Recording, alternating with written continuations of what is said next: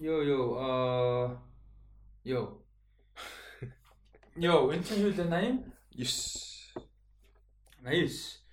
89, 89, 89. Яа, дараагийн дугаар 90 тэгэл дахиад 10 хийсэн бахад 100. Яа. Намрал 100 орох юм тий. Энэ тэр хавцал юм байна л да. 11. Тимэт нэг тэр хавцал. За. Аа юу яцгаанаш. Гэн чи яг яг эхэлсэн хоног Сент Луид Луис хотод нэг амар юм болж болоод Эс юу болсон? Э хотын захиргааных нь одоо мэр мэр уу дээ тий. Хотынхан захирагч амгад захирагч ингээд нэг эсэргүүцсэн юм аа жагсаал болж байгаа байхгүй зүгээр peaceful жагсаал эсэргүүцсэн ч багтай одоо зүгээр мэрийн тэр байдаг байрлуулын яасан жагсаал болж байгаа байхгүй. Тэгсэн чинь тэрийг хамгаалж ийн гээд хойлч мэрэгчлээ эхнэр нөхөр хоёр ингээд мэрийнхэн байрны гадаа ингээд нэг эмэгтэй нь гарбуу ирсэн эрэхтэй АК ирсэн гарч зогсоо нөгөө протест хийж алхаж байгаа хүмүүсийн эсрэг бүр ойрлоод амар болсон. What the fuck?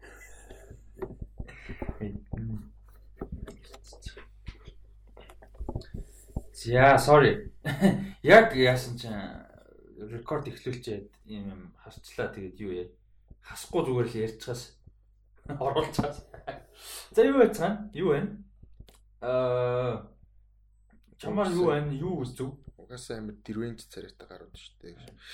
Аа за зөө юу үзсэн дээ? Netflix дээр нэг цуврал эхлүүлсэн байгаа. Аа Lost in Space гэдэг. Оо тэр хэрэг тэр амар. Тэр амар хөөрх юм билээ. Бүр тэр амар гоё лээ.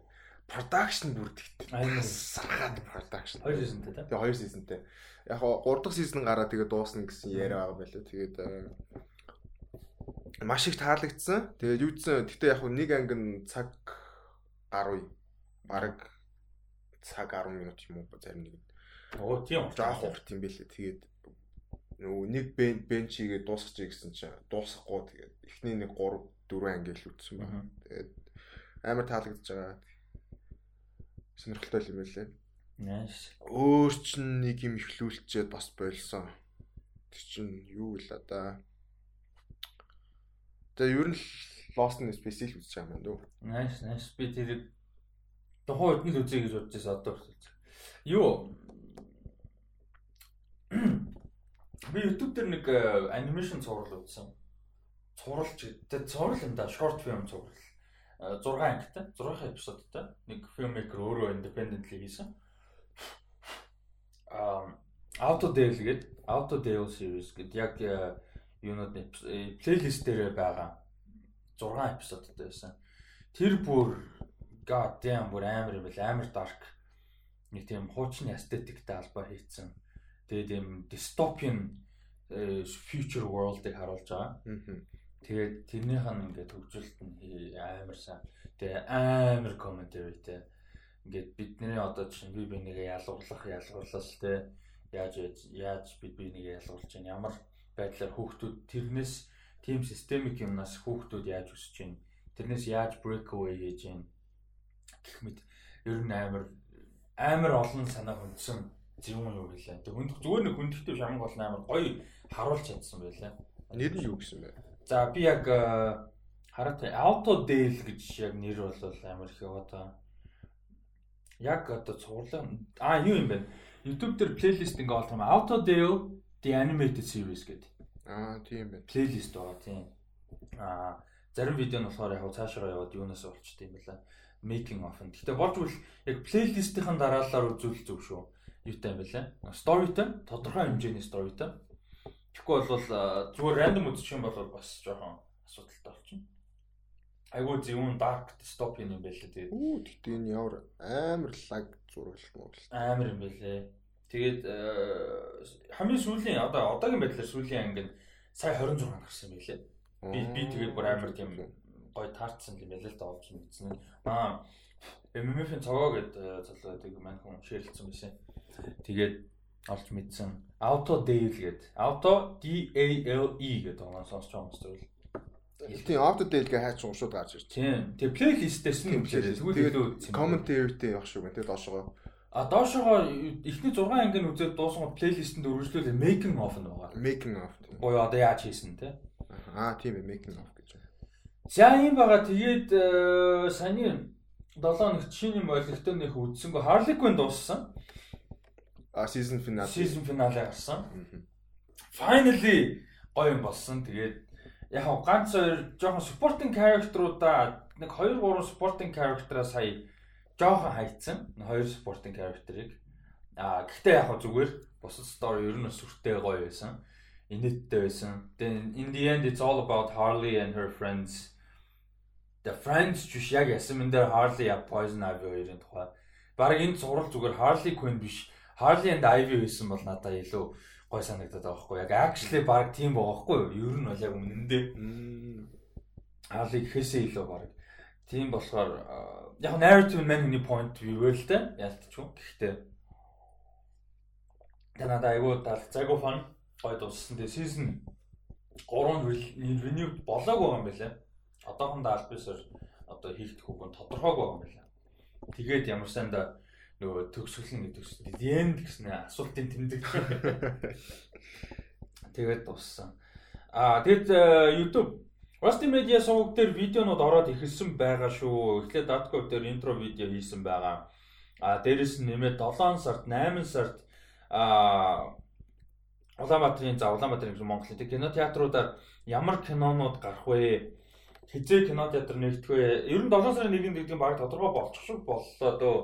7 сарын 1-нд бишима гэхэд ер нь наадмын өмнөх 7 хоногт гэдэг нь баг тодорхой болчих шиг боллоо. Театрууд постмост хийгээл хэлсэн. Тэгээд би бол 7 сарын 1 гэж ойлгоод байгаа. 7 сарын 1 гэдэг нь бидний хувьд бол одоо ингээм харгаш юм байна. А тэр ихэр батлаад байгаасаа мэдгүй ер нь ойртож байгаа.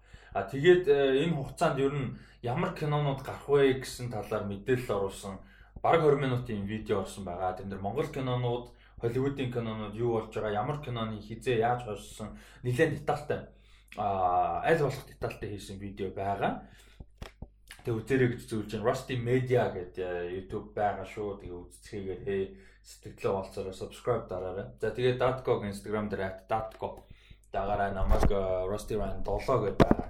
Дагаарай. Тэгээд одоо подкастн дээр ерөнхийдөө асуулт бараг авахгүй бах. Аа ерөнхийдөө. А тэгээ асуултуудыг яаж явуулж байгаа вэ гэхээр аа жоохон тогтоод ирэнгүүт юу яана асуулттай холбоотой видеонууд хийж эхэлнэ. Rusty Media дээр. За тэгэхээр тэрэн дээрээ илүү ерөнхийдөө асуултуудаа суйрлуулж а яриа өрнүүлсэн видеонд хийх бах гэж бодож байна.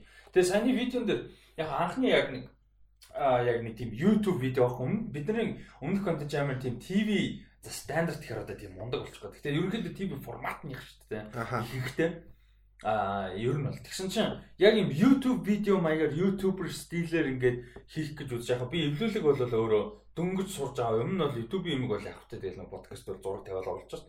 А зүгээр яг эдитинг дөнгөж 0-оос нь баг шахуу а сурж байгаа учраас яг creative юм гаргаж чадах нь хэцүү болоод байгаа хгүй одоохондоо дөнгөж basic-ээс сурж байгаа учраас.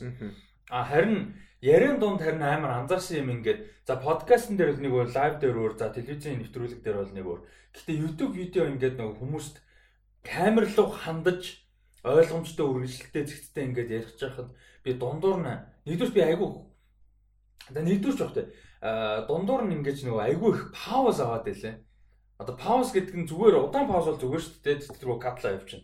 Би тэрийгэ бодохгүй байхгүй сураагүй болохоор катлан гэдгээ бодохгүй ингээд нөгөө нэг алдаагаа дор тэр дорн засах гад ингээд амар хурдан яриад буруу ярьсан юмудаа засаад тэгчэнгүүд яаж юм гэхээр катлахад айгүй хэцүү болоод нөгөөд нь. Тэгээ дунд нь ямар их аа гэдэм бэ. Йоо бүр өгүүлбэр дунд юм хэлэх гэж байгаа аа гэж бүр амар хэцүү тэрийг идэлж чахдаг бүр алгачмаар санагдсан. Залхамаар санагдсан. Аа тэгээд ер нь бол тэгээд сонсноос яа гэж бод. Тийм ер нь бол нэлээд сонирхолтой видеонууд хийх гээд бэлдээд эхэлж одоо бас утсаа камер болгож ашигладаг юмнууд сурчаад байгаа нэг ап авцсан байгаа. Тэгээд ганц юм ультра вайд дээр утасны ультра вайд камерыг хэрэглээд байна. Тэрийг зохицуулчих юм бол ер нь трейлер тайлбар. Ялангуяа трейлер тайлбар дээр тэр бол айгүй сонирхолтой болж орж ирнэ. Учраа олчих юм бол ер нь фантано шиг мэдээллийн видеонуудаа илүү ингээд камер тавиад сетнэр ингээд ганцаараа яг өөдөөсөө харж одоо юу гэдэг нь тийм форматаар биш илүү Fantano форматаар ерөөхдөө хийх хүсэл жоо илүү их байгаа. Дэлгэцэн дээр ямар мэдээлэл юу явж тэрийг нь ерөөхдөө гаргаад камераар бичигдээд яриад ингээд явах. Илүү зүгээр яриа маягаар баггүй. Одоо тэр нөгөө нэг яриа катлах мадлах шаардлагагүй гэсэн үг. Ерөөхдөө илүү чөлөөтэй ярих а ID та review топ 10 энэ бол илүү зэгцтэй байхгүй тий уул нь ID нь тиймэрхүү байгаа. Тэгэхээр news team формат руугаа трейлер тайлбар тэр формат руугаа за TV movie news юу гэдэг биш review топ 10 энэ бол жоохон зэгцтэй ч юм уу. Тиймэрхүү ID-тай байна. Ер нь болвоо. Тэгээд удахгүй Баатара төвшөө бид хэдийн хийх гэж байгаа үзүрийн дараа гэдэг гоё видео шоу тий веб шоу удахгүй явах бах ер нь нэлээд хөгжүүлэлт нь хийгдээд явж байгаа. Тэр бас сонирхолтой болно гэж найдаж байна.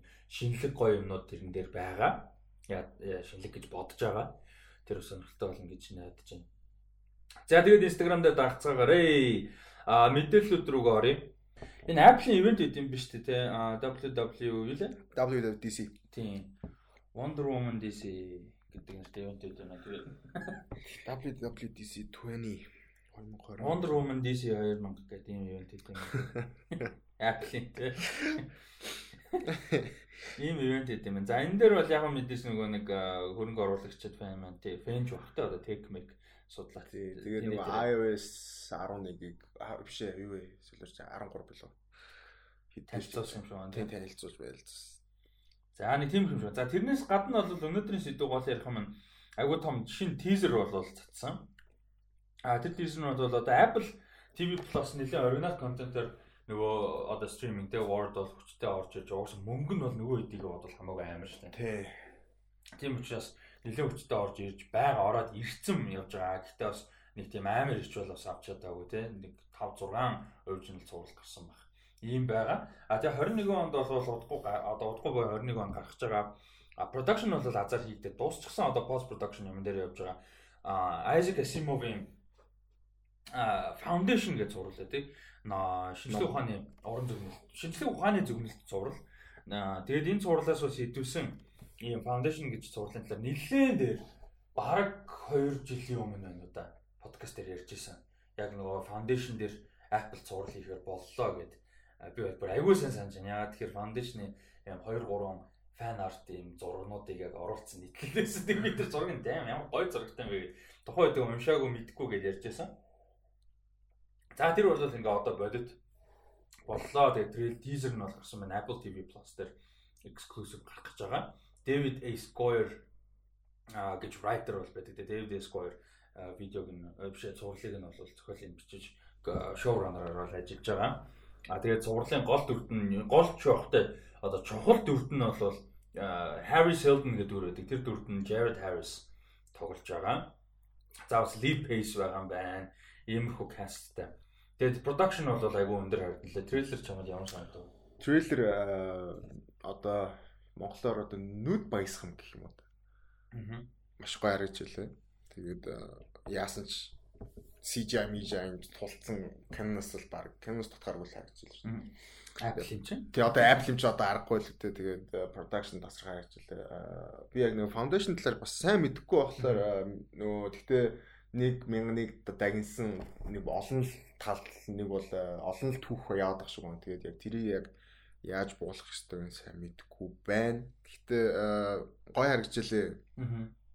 Таалагдсан. Тэгээд э, юу юм биш те цуврал ном юм биш те. Тийм, ер нь бол триложи юм байлаа. Яг 3 номтой. Ерөнхийдөө. Тэгээ сүүлдээ яг хоо нэлээд нэмэгдсэн. Тэг яг энэ чинь нэг айгүй сонирхолтой юм нөө 1020 дугаар зууны их үе ч юм уу за бүр тэрний өмнөх бол бүү те. Тэрнээс өмнөх үеийн фикшн зохиолуудын хэцүү юм чинь.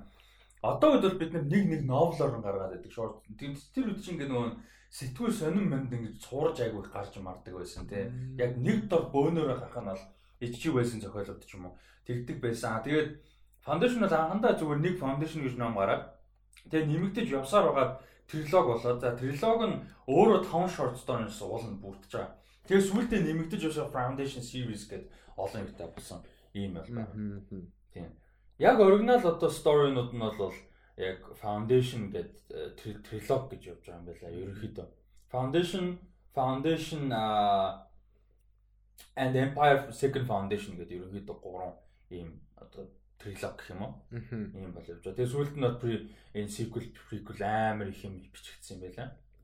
Зөв зөв. Тэгээд энэ болохоор яг энэ Psycho History гэдэг одоо энэ юг одоо онлиг гэх юм уу та бүтээсэн Harry Seldon гэдэг хүнтэй айгу холбоотой юм story юм байлаа. Галактикийн том empire байгаа. Тэгээ тэр нь ерөнхийдөө сүрж байгаа.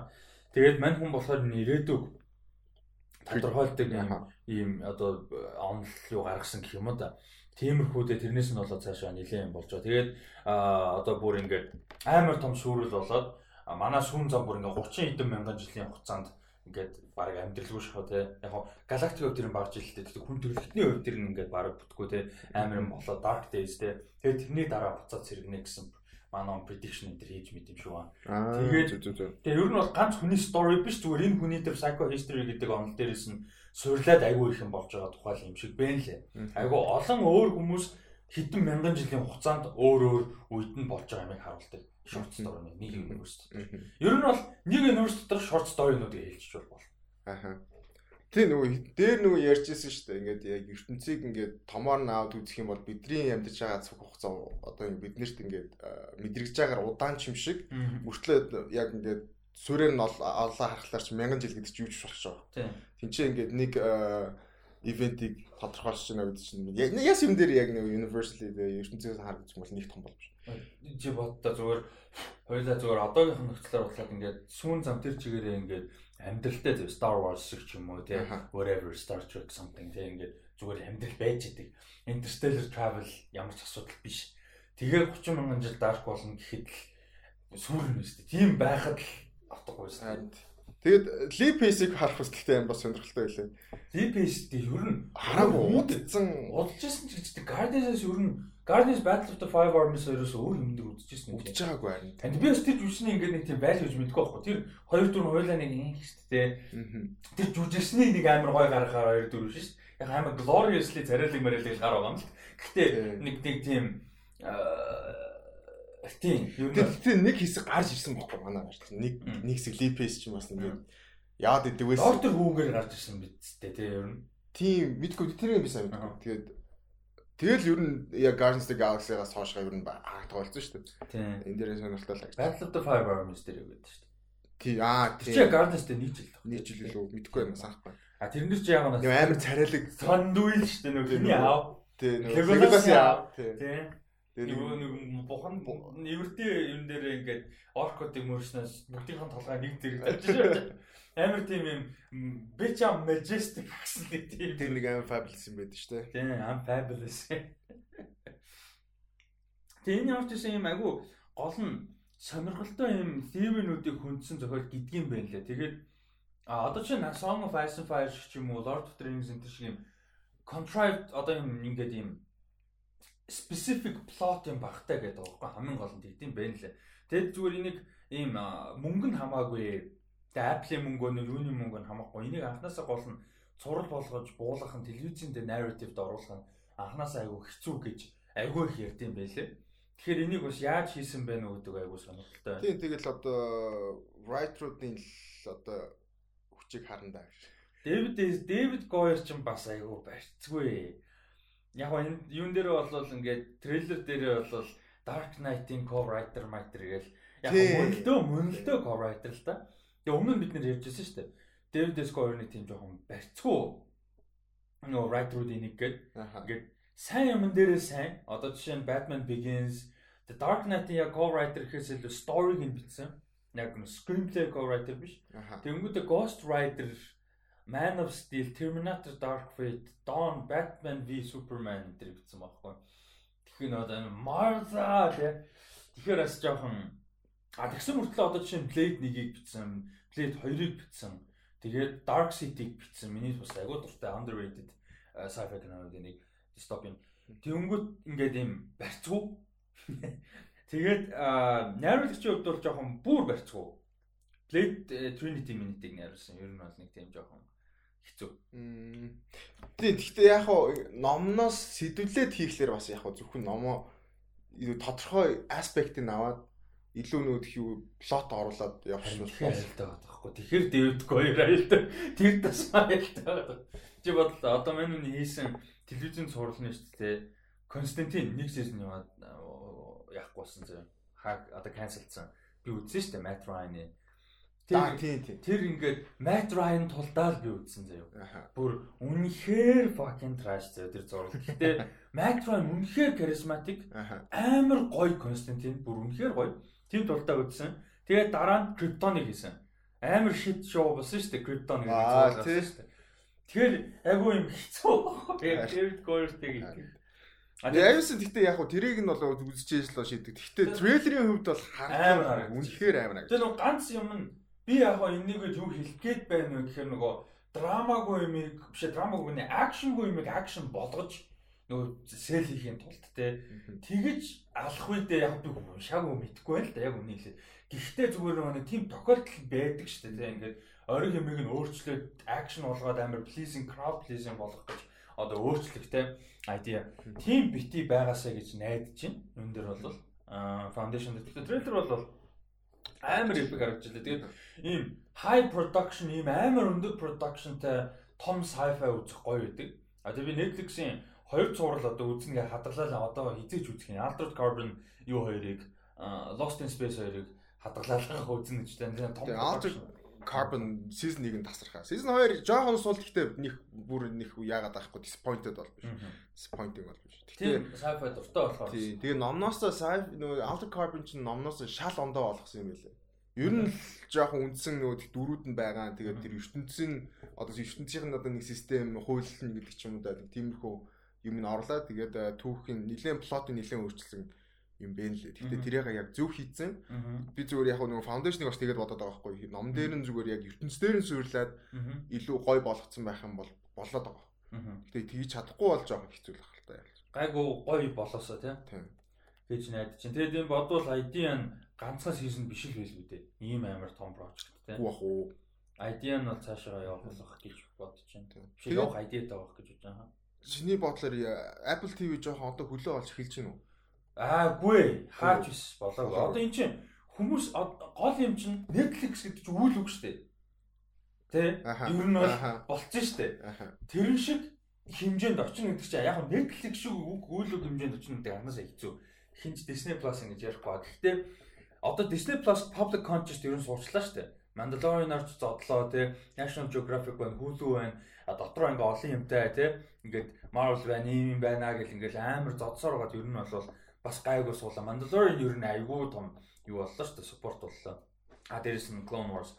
А тэгэнгүүт одоо нөгөө нэг MCU-гийн цуврал ороод ирнэ. А Facebook бол scripted зурлуудаа бүр хайцсан шүү дээ.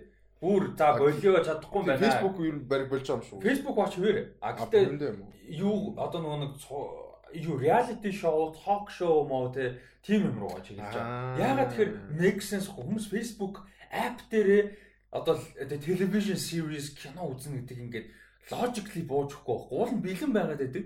Хитэн тэр одоо хитэн тэр бом хитэн юм чиглэлтэй а тэрнийх нь хідэн яг жинхүүн юм.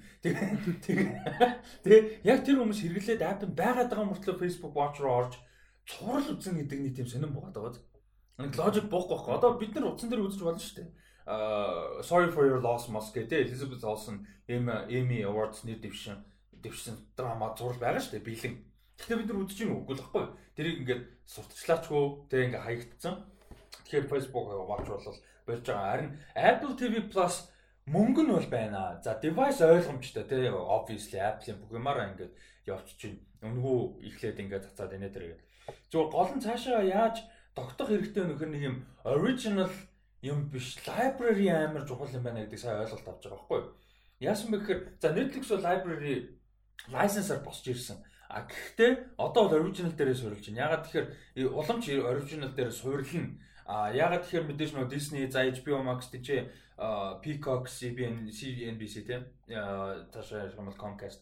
Энэ хэд чинь бүгдээрээ өөрсдийнхөө юунуудыг авч аль болох татж байгаа. Аль болох. Яг уу зарим нь гэрээтэй. Гэхдээ болж өгвөл өөрөө өөрсдийнхөө стриминг руу татж байгаа. Тэгэнгүүт яаж юм гэхээр том цувралууд, том кинонуудын лайсенс нь дуусаад ирэхээр өөрсдийнхөө оригинал юм дээр Netflix суурилж байгаа. Гэтэ азтай юм нь бас зөвүүн зөв тооцоосон юм нь аль хэдийн хөлөө олцсон байгаа даа байхгүй. А Apple TV Plus аль аль байхгүй шин тэгээ 100% original тэгээ library гэж баг байхгүй шахуу. Яг уу ороод үзэх юм бол бэн лээ. Apple TV Plus руу орох юм бол ингээд кино мино те ингээд юмнууд нэр сэр байгаа. Гэхдээ тэр нь амар confusing. Дээрэс нь Apple-ийн амар гайхаж байгаа юм би ингэж бодоод байгаа. Одоохондоо нэг тийм throwing weight behind гэж ярьдэн дээ. Нөгөө нэг юм мөнгө жин одоо support хийдэж шүү дээ. Тэгэхгүй харагдаад байгаа байхгүй Apple TV Plus-ыг. Зүгээр нэг ингээд юу ч гэсэн хүмүүс нэг ингээд нэг юм байгаа л гэсэн байдалтай явуулж яг гэсэн idea харагдаад байгаа. Одоо Apple TV Plus app руу нөрөөд ингээ харах юм бол одоо чинь See the Servant те for all mankind энэ төргээд цуглаад үзэж болно байгаа. А гэхдээ iTunes гэж бас байгаад байгаа шүү дээ. Тинчээс чинь кино on demand-аар бодлож авах эсвэл rent хийж байгаа. Тэр нэг дор юм шиг байгаад байгаа байхгүй. Амар ойлгомжгүй. Яг Apple TV Plus нь юуны энэ iTunes-ийн rent demand-тэй холдож авах нь юу юм ингээд айгүй тийм clear биш.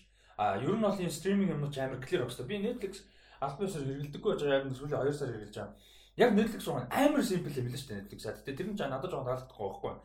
Яг тэр таалагдахгүй гэдэг нь хангалттай байгаа. Гэхдээ зөвөр миний бодож байгаа Netflix нэг уул зөвхөн quality-наас гадна дахиад нэг өөр одоо төлбөрийн нөгөө нэг юм төрөл байвмаар санагдсан надад. Дахиад нэг тэр нь одоо юм нөгөө нэг синофайл хүмүүс ч юм уу те яг хэр бизнес талаас боломжтойг мэдгүй л да. Гэхдээ нэг тийм илүү жоохон детальтны ч юм уу те тэр нь одоо юу гэдэг лист гараа листэ дотор нь ангилж болдог. Waiting өгч болдог те. Ингээд нэг тийм каст мастыг харж болдог. Детailing илүүгээ харж болдог. Ингээд нэг тийм дэндүү юм simple биш нэг хувилбар руу яадаг жоохон төлбөртэй. Жишээ нь би тэрэнд бол сарын 10 доллар нэмт нэмж төлгөөр байгаа байхгүй юу? Тийм байвал. Тэгэхээр ингээ харахад амар simple а гэхдээ тэр чинь өөрөө амжилттай том нууц нь болохгүй яг гэсэн дээр. Simple учраас амар амжилт олцсон. А юу болохоор Apple TV Plus амар confusing. Ингээд яг юу юу юм мэддэхгүй. Үнтэй мүү үнгүү мүү нэг сард нь юу байгаа юу байхгүй байгаа. Тэгээ ямар сурал хизээж авах юм бүү мэдтэй. Ингээд Netflix бол ингээд зодоол гоосоо тэгээ ийм юмар, ийм юмар, ийм юмар, ийм юмар нэр. Тэнгүү тэр тийм ш. Яа тэгээд яг тэрэн дээр би бодож байгаа мөнгөтэй байгууллага маркетинг хийж чаддгүй байгууллага биш ямар. Ер нь бол албаар хэсэгтээ ингээд нэг тийм зүгээр л байлгаад байгаа юм шиг харагдаад байгаа. Гэтэ тэр нь хэр зөв үгүйг нь мэдэхгүй байна. Хүмүүсийн public reception амжилт хоёр мөнгөөр тодорхойлогдохгүй шүү дээ. Тэдний өөрсдийнх нь мөнгөөр. Тэр амар сонирм баггүй. Тэгээ сая өнгөрсөн жил лонч хийхдээ айгүй сонирм гачин лонч хийсэн шүү дээ. Тэгээ мараг мараа Монголын юу хөө мүүгээс суг лонч хийсэн шүү дээ. Тэр нэг тийм яах гээд байгаа мэддэхгүй зүгээр ингээ 11 сард си орно гээл. Тэгэд ингээ ямар ч лонч хийсэн юм юу ч байхгүй нэг мэд орсон ч хардсан оо биш ороо харсан ч байжсэн те. Нэг тийм сонирм байдалтай байгаа да би гайхаад. Одоо жишээд тэгэхэд HBO Max-ыг бол хаасаа харж байгаа шүү дээ. Тийм ингээд HBO Max гэдэг юм гарнаа. Ийм агуулгатай, ийм болно гэд яг хуу цаана Warner Bros асуудал их байгаа л да. Warner Media. Гэхдээ тийм. Тэгээд тэгэхээр Apple TV Plus за мөнгө нь obviously бусдангаас нь баг бүгдээс нь хамгийн баян баг. Тэгээ за Amazon энэ хоёр л хамгийн баян баг.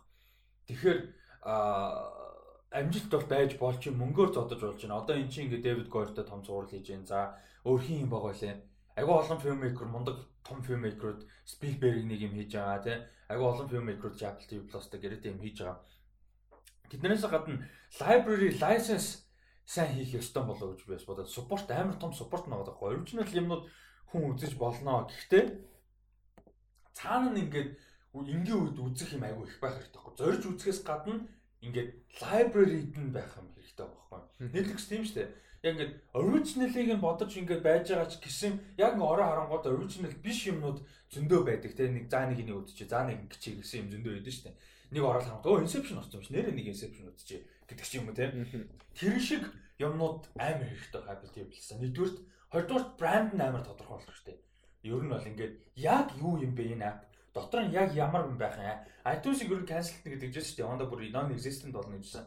Тэрийг тодорхой болгоод Apple TV Plus-ын энэ брэнд idea бүр амар clear болох хэрэгтэй байна. Логин хийхдээ clear. Ороод зурал дотроо юмнууд нь clear дээ ингээд юм ойлгомжтой. Дараа нь детальтай болдог юм. Тийм тэгээ нөгөө iTunes яг хуу iTunes Store гэж байгаа юм. Тий Store-ын байхгүй бол тэгэхгүйгээр нөгөө нэг music player бол байгаа шүү дээ. Тэгэхээр тэр чинь одоо iTunes юу гэдэг юм бэ? Music player. Зүгээр л Apple Music болсон шүү дээ. Apple Music болсон тий. Тэр чинь амар амар واخхой. Нөгөө сардаа мөнгө төлчин тэгэл нөгөө бүх юм би free тэгэл альбом татчих болж нэг бол зүгээр листээр нь юу гэмэр чинь плейлист татаад авчиж болж чинь тэгээ хүмүүсийн хийцэн ч юм уу нэг бол зүгээр зүгээр л нөгөө keyword-үүд биш ч байгаа байхгүй юу? Өөрөөхөө зүгээр сонсдог vibe vibe иймхүү vibe-тэй дуунууд гэж бичингүүд тийм vibe-тэй дуунууд тийм тэгж байгаа шүү дээ. Зүгээр яг сүүлд нь нөгөө тхийг iTunes Store байхгүй болгоод яг нөгөө Apple TV яг тийм болчвол амарх. Ороод шууд нөгөө юмдаа бичингүүд л листүүд нь баг пад пад гараад шүү дээ. Тиймэрхүү амархан жоохон яг чиний хэл дээр нүү симпл болгочих юм бол хамаагүй дээр баг. Гиснес тэр юу яагаасаа Netflix илүү тийм detailтэй гоё үедээ болоосоо гэж найдаж. Яах юм ба. Баг ихгүй ах уу энэ үү яг сүс ID нь энэ болохоор тэгээд. Надад тэгтээ арай дэндүү жоохон симпл санагдцаа. Яагаад тэгэхээр би юу ямар шүүмж харсан бэ гэхээр Netflix одоо бид нар шиг ингээд ачаал бүгд л өгч судалж байгаад үзэж байгаа шүү дээ. Netflix нэг юм за Netflix дээрээс шинэ юм орж байгаа харна гэж бол би баг байхгүй. Мэдээд Netflix дээр харж байгаа. А гэхдээ Netflix дээрээс мэдсэн ч гэсэн судалж харж агаад үзчихээс зүгээр уян юм ингээд ороод үзэж байгаа бол биш. Гэхдээ хэдэн зуун сая хүн нь ихэнх хэрэглэгч чинь зүгээр ер нь бол тэгэл ингээл үзээ шууд ингээл үзээ. Тийм нөгөө explore хийхэд хэцүү. Надаа юу айгүй шүмжтэй юм санагдсан гэхээр зүгээр л үзээл яах incentive өгч байгаа хүнд. Нэг юм болоо шууд next episode, нэг юм болоо шууд next episode тий skip credits, skip intro яг тэр нь obviously амар болгож байгаа. Гэтэ нөгөө талаас тэр ингээд value юмыг value хийхгүй болгож байгаа хгүй. Маш их юм ингээ бүр амар их юм мангаар хямдхан өгч чинь Тэгэл зүг үз үз үз үз үз үз гэл ямар ч value байхгүй. Тэрнийх нь тэгээ film maker-ууд нь ч юм уу тэгээ credit нь за тэгээд тэрний ямар хүн хийсэн юм. Тэр чинь ингээд нэгдүгээр үзэж байгаад гардаг credit доороос нь мэдээлэл нь гэж байгаа шүү дээ. Одоо доор нь одоо одоо кино ч юм уу цуврал шоу юу гэдэг stand up ямар орон шууд play гэдэг хэлдэг. Тэгээ ингээд доор нь хажууд нь ямар нэг information юм арай жоохон минимум шүү дээ. Цөөхөн хэдэн information. Наа миний бодлоор тэр хамгийн том шүүмжин байгаад байгаа байхгүй ингээд хүмүүс кино урлаг, телевизийн урлаг юу гэдэг stand up эднэрийг судалж, эднэрийг мэдэж ойлгож тэг ингээд илүү фильм фан болох, илүү телевизийн шоуны фан болохтой илүү ингэж инсентив айгу өгөхгүй надад санагцсан. Инсентивгүй юм шиг санагцсан. Яг зүгээр үзэл үзэл үзэл үзэл агаар ерөөсөө ID яг хөө тэр нь ч амжилтынх нь нууцлаа та дөрөв ярьсан. А гэхдээ л нэг тийм I don't know өөр payment юу байдаг бол би бол жишээ нь сонирхол Тийм хүмүүс над тодорхой хэмжээнд байгаа байх л гэж бодоод байгаа. Гэтэ байгаа. Гэтэ яг хөө зүгээр нөгөө яалтсан minority л да. Тийм, minority яалтсан. Яг хөө тэгэл үзсэн нөгөө яг сүлд нөгөө юу гэнэ credit үзмээр үйл тэгээд нөгөө үзнэ гэж даашдаг ч юм. Нэг бол эхлээд нөгөө интрог нь skip-ийг бол дарахгүй бол тэгэл үзэл. Тэгэхээр гэтэ яг угаасаа нөгөө олон одоо юу юм шиг хурдан хурдан үзүүлэх л угаасаа болчихсон байгаа байхгүй юу? Тэгжээж нөгөө ер нь бол тэгээс өөрсдөө хүмүүсээ татчих байгаа. Тэгэл одоо жишээ нь өөрсдөө болиулахгүй бол автомат settings дээр нь дараагийн эпизод нь autoplay хийдэг. Аа зүгээр ингээд маусаа hover хийдэг ч юм уу эсвэл апп дээр ингээ гүйлгэхэд автоплей хийдэг шууд нөгөө тийзер нь ч гэх юм уу те тэр чинь ингээ хүнийг ингээд юм ойлгоо одоо суралцаад ингээд энэ яг юу энэ тэр гэсэн юм өгөхгүй байхгүй. Зүгээр үз үз ингээд ерөөсө fucking үзүүлээд л байхгүй. Аа appreciate хийх юм бол амар их юм бэлээ гэхдээ бас тийм надад шуумжил харагдсан чиний хэл дээр бас нэг жоохон инфо баттон яг бэдинг гэхдээ тэр чинь нөгөө яг шалахгүй. шалахгүй нэг жоохон юм зүг нөгөө а жүжигчдийн юм директор нэг иймэрхүү маягийн бичээд болчтой. Оноо ингээд оронгууд Castlevania-г орсон шууд плей хийж байгаа байхгүй. Ингээд юу плей хийж гэсэн чинь дэлгэсэн дээр юу гарч байгаа чинь шууд хийсэр. Ингээд ямар ч мэдээлэл юмнууд нь ингээд байхгүй инфого харангууд ганцхан өгүүлбэр лог ТV-гээс баггүй баг өгүүлбэртэй байхгүй. Богино. Тэг өөр юм байхгүй. Энд чинь бол бас ер нь бол жоохон жоохон болохгүй байхгүй. Яг нь миний бодож байгаагаар гэхдээ заавал тийм байх ёстой гэсэн үг биш. Гэж бодож байна. За дараагийн трейлер рүү орох уу? За тэгээ. Netflix ер нь стримингийн хувьд бол нэг иймэрхүү байна. Уул нь энэ талаар видеон дээр илүү ярилцлаа хүмүүстэй бол нөхрөл. Аа. За За эхний хоёр дахь трейлер. Хоёр дахь трейлер. За хоёр дахь трейлер болохоор монголчууд бас овоо хүлээж исэн баг шүү. А Waiting for the Barbarians гэдэг нэртэй драма киноны трейлер байгаа. Тэгээд Mark Rylance, Johnny Depp, Robert Pattinson гур гол дүр тогсон. За тэгээд гол дөрүүдэд тогсон. Хамгийн одоо том туслах дөрүүдийнх нь нэгт бол энэ Гана Баярсаахан гэж одоо Баярсаахны Гана гэж эмэгтэй байгаа Монгол эмэгтэй тогсон. А тэгэд э, мань хүн бол Германд юм уу да Англид ч юм уу бас э, ерөөхдөө нэлээд юугаар явж байгаа кино урлагаараа нэлээд явж байгаа юм эмхтэй байгаад байгаа. Тэгээд мань хүн болохоор э, хүмүүс агуу сайн санаж байгаа. Нөгөө юун дээр гарсан? X Machina дээр гардаг, хальт гардаг. Тэрүүгээр хүмүүс агуу сайн мэддэг. А тэгээд Peaky Blinders дээр нэг эпизод дээр бас гарсан юм байна. А Wonder Woman дээр бас нэг син дээр н орсон юм байна. Иймэрхүү байгаа. Ерөнхийдөө нэлээд идэвхтэй юм карьертэй явж байгаа Монгол эмэгтэй байгаа. Тэгээд энэ эмэгтэй болохоор энэ юуны Waiting for the Barbarians гэж киноны нэлээд юм плотын хувьд бол чухал дүр. Ийм дүрд бол тоглож байгаа юм билээ. Тэгээд өнгөрсөн жил Венецийн кино фестивал дээр нээлттэй хийсэн. Үнэлгээний хувьд бол яг уу average mixed үнэлгээтэй байгаа ийм кино байна. А тэгээд надаа бол айгүй сонирхол төрүүлж байгаа юм. Би Dadgos одоо трейлерийн талаар нь асууя. Надаа сонирхол төрүүлж байгаа юм найруулагч нь байгаа. Chiro Guerra гэдэг. Энэ найруулагч надад айгүй сонирхолтой санагдаж өмнө нэлээд өндөр үнэлгээ аваад баг Оскарт нийт дэвсэн байхаа би андуураг бол Embrace of the Serpent гэдэг айгүй epic юм кино найруулж ирсэн. А тэгээд дараа нь Birds of Passage-ыг найруулсан. Тийм. Тэгээд нөгөө нэг хөлн нэрээ нөгөө байг нөгөө Birds of Passage. Байг найрдаг. Тэрний найруулагч учраас сонирхолтой. Тэгээд трейлер ч хамаад ямар санагдав? Трейлер амар уутгартай тэгээ жоохон confusing сонирхолтой хэсгүүд байсан байсан. Гэхдээ жоохон сонирхол байсан. Гэхдээ яа жоох өдөртэй яалтчгүй 2 минут гэхэд үнэхээр явж өгөхгүй сонин өдөртэй л харагдчихлаа. Тэгээд нэг юм их юм гаргаж байгаа удаан өрнөлттэй их диалогтой одоо энэ Johnny Depp яриа л байгаа шүү дээ. Mark Rylance яриа л тэгсэн мөртлөө амч ойлголтоо. А гоё трейлер байна. Одоо өнгөрсөн 7 хоног ямар трейлер ярьчлаа юм гаргасан мөртлөө юу ч өгсөнгүү гэж зүүн гэж ярьж байсан шүү дээ. Нэг трейлер байсан шүү дээ. За ер нь нэг тийм байдсан шүү дээ. Тийм биш. Ийм негатив талаасаа ямар ч ойлголт өгөөгүй. Яг юу болох гээд яах гээд хин нь яг ямар үүрэгтэй юу болоод байгаа нь ерөөсөй ойлгомжгүй. Ямар ч үсэн нэг плот байгаад байгаа Barbarians гэд дуудаад байгаа нэг тийм нүүдэлчин Аз гаралтай хүмүүс юм шиг байгаа харж яхад тэгээд энэ эмэгтэй одоо нэг Монгол эмэг жүжигчийн эмэгтэйг тоглосон дүр яг плот талаас их чухал дүр юм шиг байгаа. Тэ нэг хоригдоод байгаа юм шиг байна. Хоригдоод баригдаад байгаа ч юм уу тэ нэг тиймэрхүү юм харагдаад байгаа. Тэгээд өөр өөр шайлгалт өгөө. Энэ дээр чи юу гэж бодож байна? Надад зураг авалт нь их сүртэй харагдсан. Ууг нь. Зураг авалт нь сүртэй тэгээд надад саунд эдитинг бас жоохон сонир сонсогдсон нэг тийм одоо юу юм шиндээ их тийм наан дэндүү наан гэх юм юу юм шиндээ нэг тийм наалтцгүй жоохон сонир сонсогдсон. Гэтэ яг хуу трейлер дээр л дээ дэндүү нөгөө тхий бодит болох гээд нэг бол тэгсэн байж магадгүй. Аа Хүн нөөс. Гэхдээ трейлерийн хувьд бол яг яалч хүч энэ хил дээр юу ч өгөөгүй муу талаасаа угаасаа. Тэгээд уул нь бол жүжигчт нь гоё харагдчихлээ. Johnny Depp-ийг чараг уудчих. Тэгээд Robert Pattinson байгаа. Уул нь манай хүн ч амар мундаг. Тийм тэгээд Barbarians гэ би анх тэгэхээр нь юу гэж бодсон нэрээ. Монголчууд гэж бодсон. Яг ч трейлер үзсэн амар Монгол царайд өмчсөн байхгүй. Тэгээд Аазууд харагдаад Аазууд харагдаад байгаа байхгүй. Тэгээд аа монголчууд гэж магадгүй юм да гэж бодлоо гэж тэгжээс. Тэгээд э, бас нэг э, нөгөө тхи юу цэрэгтэн тоглолдог хүн юу юм бэ? Harry Potter тоглолдог хүүхэд байна. Аа зөв. Энэ тэгээд юу юм бэ? Өмнөд Африк зохиолч э, хүн одоо зохиолчин бичсэн 1980 онд гэсэн зохиол юм байна. Одоо новел юм байна.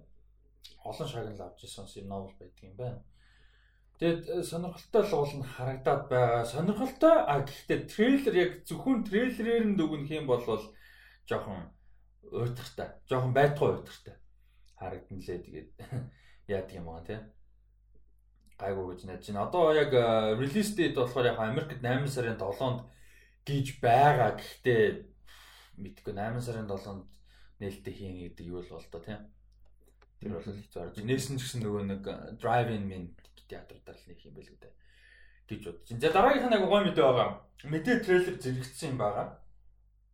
Яг өнөөдөр Netflix шинээр болж homemade гэдэг одоо цуврал гэх юм уу антологи цуврал гэж байгаа. Тийм антологи цуврал орсон байх хэвээр. За тэр болохоор Pablo Lorraine гэж Lorraine гэдэг уран бүтээлчүүд юм Jack-ийг найруулсан. Дараа нь Aronofsky Pablo Lorraine-ийг ярьж хагаад айгу weird мундаг найруулагч байгаа гэдээ ярьж штеп өөрөө нөө энийг гэдээсэн.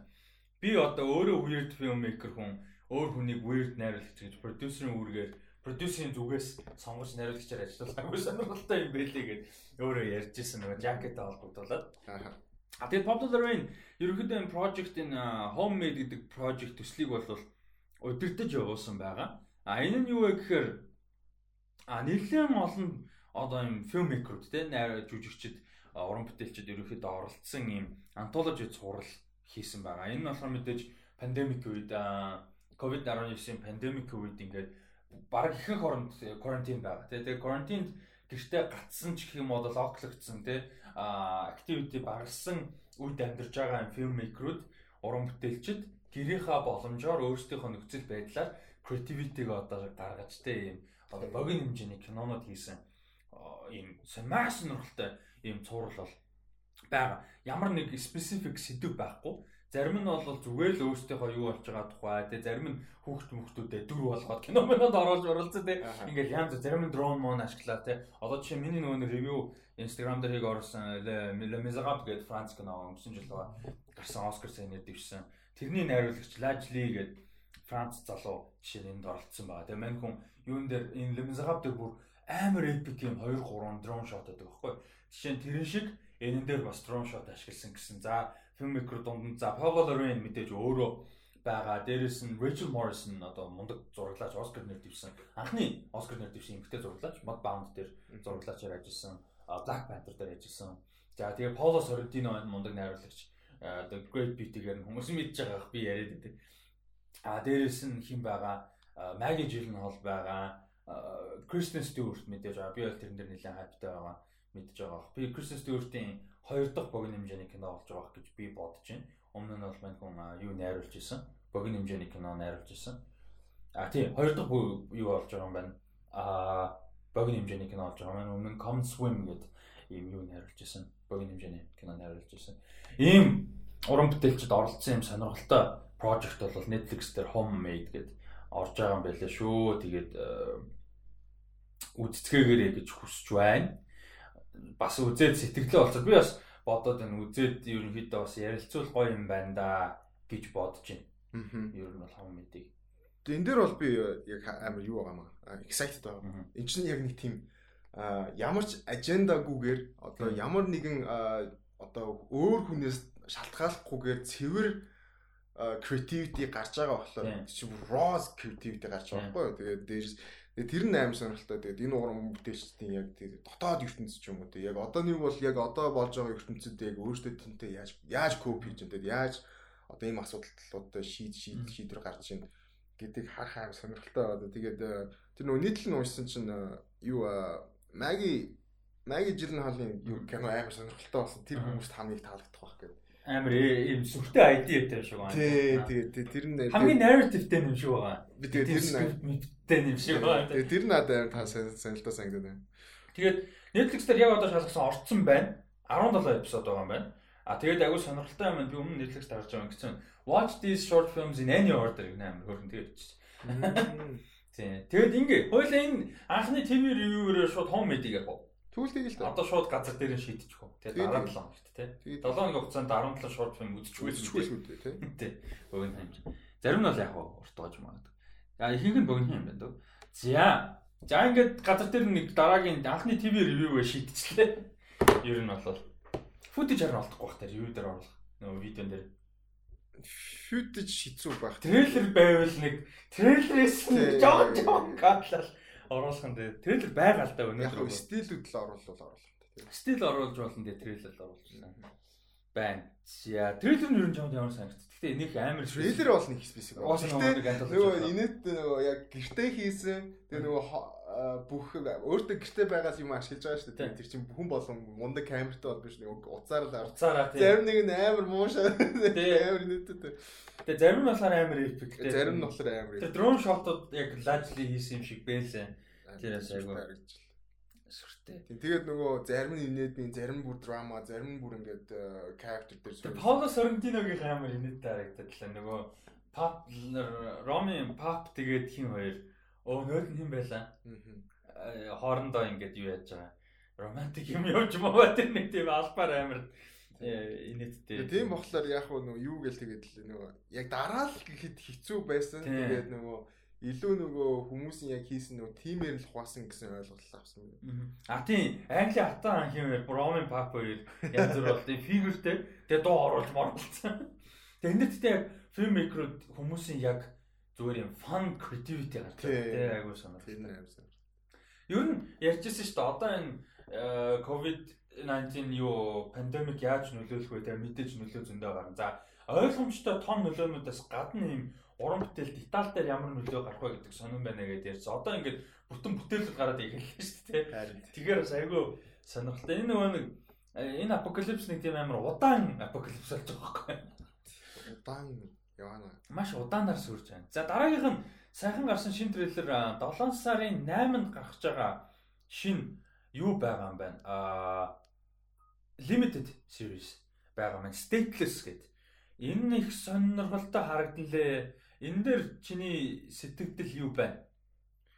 Аа трейлерийн хувьд амар харчлаа. Амар тийм нөгөө deep deep нөгөө техник тийм гүн хүний гүнд ороод ингээд нэг тийм юм ойлгуулаа бодогдуулахаар кино юм шиг байна. Тэгээд богино богино хэмжээний зураг. Тэгээд трейлер сүртэл харагдчихлаа. Тэгээд хизүү харагдчихлаа. Яг би тэгээд хамгийн гол нь яг ингээд бас Австралид юм болдог гэж өстө бодож байгаа юм. Бэлээ. Яаж нөгөө яг Америк Америк гэдэг нөгөө Америк дээр л тулгуурсан юм байна болдог нөгөө Мексикээс хүмүүс орж ирэл тэгээд immigration гэдэг дээр байна. Immigration-ы тал дээр яаж байгаа. Тийм ер нь immigration талаар. Тэгээд Австралид яг тийм болж байгаа. Тэгээд яг тэнцээ бас нөгөө яг айрс сүнгээр ялгуурлах те зүгээр ингээд араб царайтай хүн байлаа гэж шууд террорист болгож байгаа ч юм уу те тийм байгаад байна. Тэгээд тэр тэр тунд нэг зүгээр цагаан айрстай нэг эмэгтэй яваад орцсон. Тийм Герман Германы иргэн тэгээд Австралийн одоо амьдрах хэрэгтэй юм эмэгтэй. Тийм тийм яваад орсон. Амьдрал дээр босон үйл явдал. Тэгэл яг тэнцээ тэр хүн яг тэр тэр хүний бас өнцгөөс яг юу харагдах уу те юу мэдрэж байгаа вэ тэр нь гарч байгаа. Тэгээ бас зарим нэг нь амар тийм бодит биш юм шиг зураглууд байсан. Яг тэр эмхтэй жоохоо крайсистэй байгаа мó яг мэдхгүй тэгэл бүжиглээл те. Яг тэгээ тийч нэг нэг бол өөргөө олж байгаа ч юм уу мэдхгүй нэг тийм хэсгүүд бас байлаа. Тэгээ кино хийцэн хувьд бол бодит юм шиг мөртлөө бас зарим талаараа бодит бос юм шиг нэг хэсгүүд бас гараад ирсэн трейлер дээр. Трейлерийн хувьд бол надад таалагдвал таалагдсан. Тэгээд Австралийн талаар би сайн мэдэхгүй. Тэгээ энэ киног үзэх юм бол бас зарим нэг талаараа бас муу талууд одоо нэг тийм бидний мэдгүй нэг муу юмнууд байгаа шүү дээ. Уус болон л байгаа. Австралийн бас нэг тийм их юмуд бас үзэх байна. Харах боломжтой юм санагдсан. Юг баар ажилладаг байхад нөгөө экспертууд энийг хэсэг орж ирдэг байсан. Австралийн яг ямар Peace Corps ч Америк Peace Corps биш ээ. Тэр хаанхан ямар project дээр юм дээр нэг ажилладаг юм. Австралид нэг хэсэг аягүй орж ирдэг байсан. Яг өөр ус ирэх бас байсан л та экспат. Тэгээ тэд нар тэдний нэг нь яг юм social worker ийм юм ихтэйс. Тэгээд гэсэн чинь мань хүн юу яаж яхад яг баар ажиллаж яхад нөгөө Facebook friend болсон. Тэгээ дараа нь мань хүн нутаг нутаг буцсны дараа ингээд political амар active тэр юм ихтэй. Тэгээ тэр юмнуудыг ингээ харж байгаа тухайн үед ярьжсэн юм яасан гэсэн чинь нөгөө Австрали аягүй их дөрвдөг хүмүүс Азаас ялангуяа тэгээд Азаас ч илүү ойрхон байгаад байгаа тийм. Тэгээ Европ руу асуудалтай, Америк руу асуудал их байдаг аа гэд ер нь бол Австрали аягүй их дөрвдөг. Австралч өөрөө индиженес хүмүүс нь бараг сүрээд уугуул хүмүүс нь маш бага үлдсэн тэг бараг арахгүй. Тэгээ дээрэс нь ер нь бол колони байсан газар тийм. Болохоор аягүй их дөрвдөг.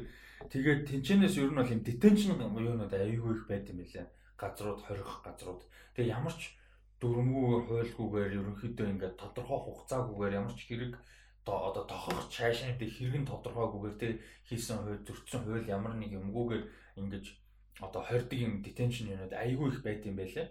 Тэгээ тэр нь бол Австралид айгүй том асуудал болж байсан. Сая тэгээд тухайн үед 17 8 оны үед байсан ерөнхий сайд нь айгүй их юунд хүртэж шүүмжинд тэрнтэй холбоотой. Ялангуяа нөгөө лефт одоо тэгээ улс төрийн хоёр талаас бол лефтээс лефт талаас бол зүүнний улс төрийн талаас айгүй шүүмжинд хүртээсэн. За тэрнээсээ хойш би яг сайн судалсан гэж бол удлаар яг гэхдээ тухайн үед бол тийм айгүй болж байсан. Тэгээ энэ яг тэрнтэй бас а тодорхой хэмжээний бас юутай холбоотой стори юм. Тэрнээс өмнө л босон үйл явдлын тухай юм байна л да 2004 он босон.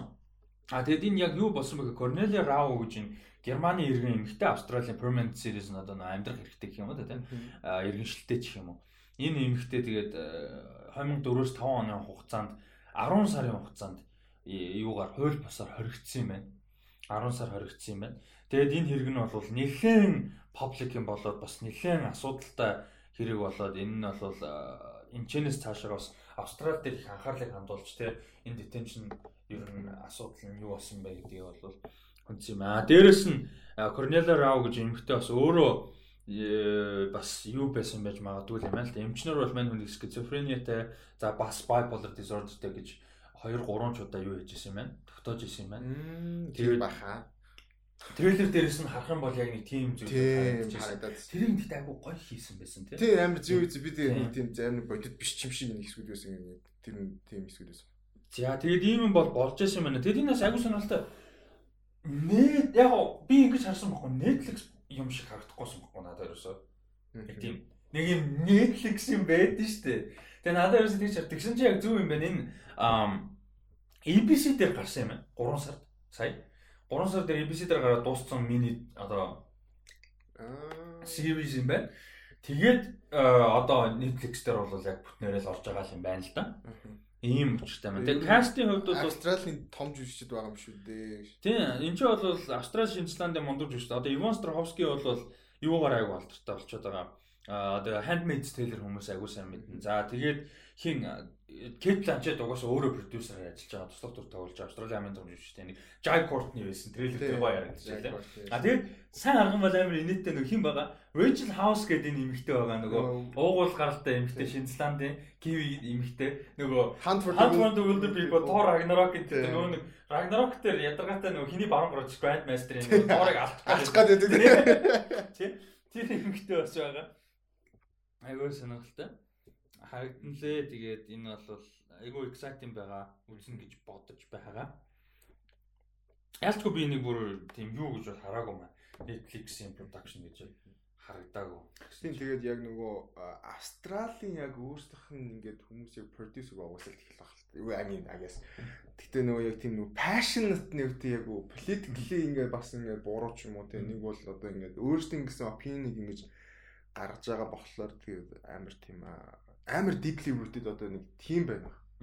Тэгээд яг ингээд илэрхийлж байгаа idea тэг хүмүүс хүргэсэн idea амар тод гарч ирсэн баг. Тэгээд нийлээ үзэх юм бол тэгээд яаж яхад юу вэ? Rotten Tomato дээр 100% гэж байна. Э Rotten дээр ч цуврал. Яа IMDb дээр 7. Гэхдээ I guess it's not bad. Ер нь бол Metacritic ч юм IMDb гэхдээ цуврал дээр бол нэг жоохон ID өгдөө шүү бас. Цуврал дээр бол IMDb рейтинг харах бас гайгүй нэг тийм жоохон чиглэл болов. Тэгээ яг л нэг хүмүүсийн өгж байгаа тоон их болохоор байхад тэр нь зүгтэй. Бас амар санаа. Одоо чинь The Flash-ыг ямар хайптайгаар ямар ойлголтоор үзэх гэдэг ямар чулуу байхгүй. Тэгэхгүй ингээд Netflix-ийн Marvel show ч юм уу тест одоо үеийн стандарт амар epic мундаг production юм. Тэгээ киноноос дутхгүй болсон шүү дээ. Тийм Hyper жишээ нь The Flash үзэх юм бол what the fuck бол тийм 23 эпизод те. Тэгэхэд тэр чинь одоо classical TV ойлголтоор үзэх хэрэгтэй. Тэгэхэд бол гоё байхгүй юу? Чинь намар ихлээр тавар хүртэл ингээд үзээл хэдэг ийм хөнгөөн гоё entertainment байгаа шүү дээ. Тэгэхэд чи одоо үед чи ингээд 10 эпизод амар epic юм үздэг болсон. Тэгэхээр IMDb тэрнээр бол асуудалтай. Гэхдээ Rotten-ыг бол дээр. Watson бол ялчгүй. 6хан хүн өгсөн юм ч юм байдیں۔ Тийм тийм. Мэдгүй. Supergirl 100% байхыг хараа. За болий би бол хизээч тэгээд ганцхан тэрнээс болов л дээ гэдэг юм. За. Дараагийнх нь айгүй айгүй 6-тай сонирхолтой unexpected байсан надаа.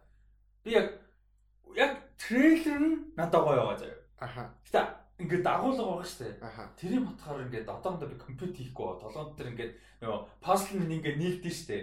Нийлээг байгаа. Үгүй надад What is this гэсэн юм одоо юм мэдрэмжтэй хിവэрэ байгаа. Тэр нь юу вэ гэхээр Down to Earth with Zac Efron гэдэг юм одоо reality show гэх юм уу да тэр нь зүг бах тийм Тийм баг. Гэхдээ тийм ээ. Одоо docu series ч юм. Тийм, docu series. За тэгээ reality show. Тийм, docu series, reality series нэг тиймэрхүү.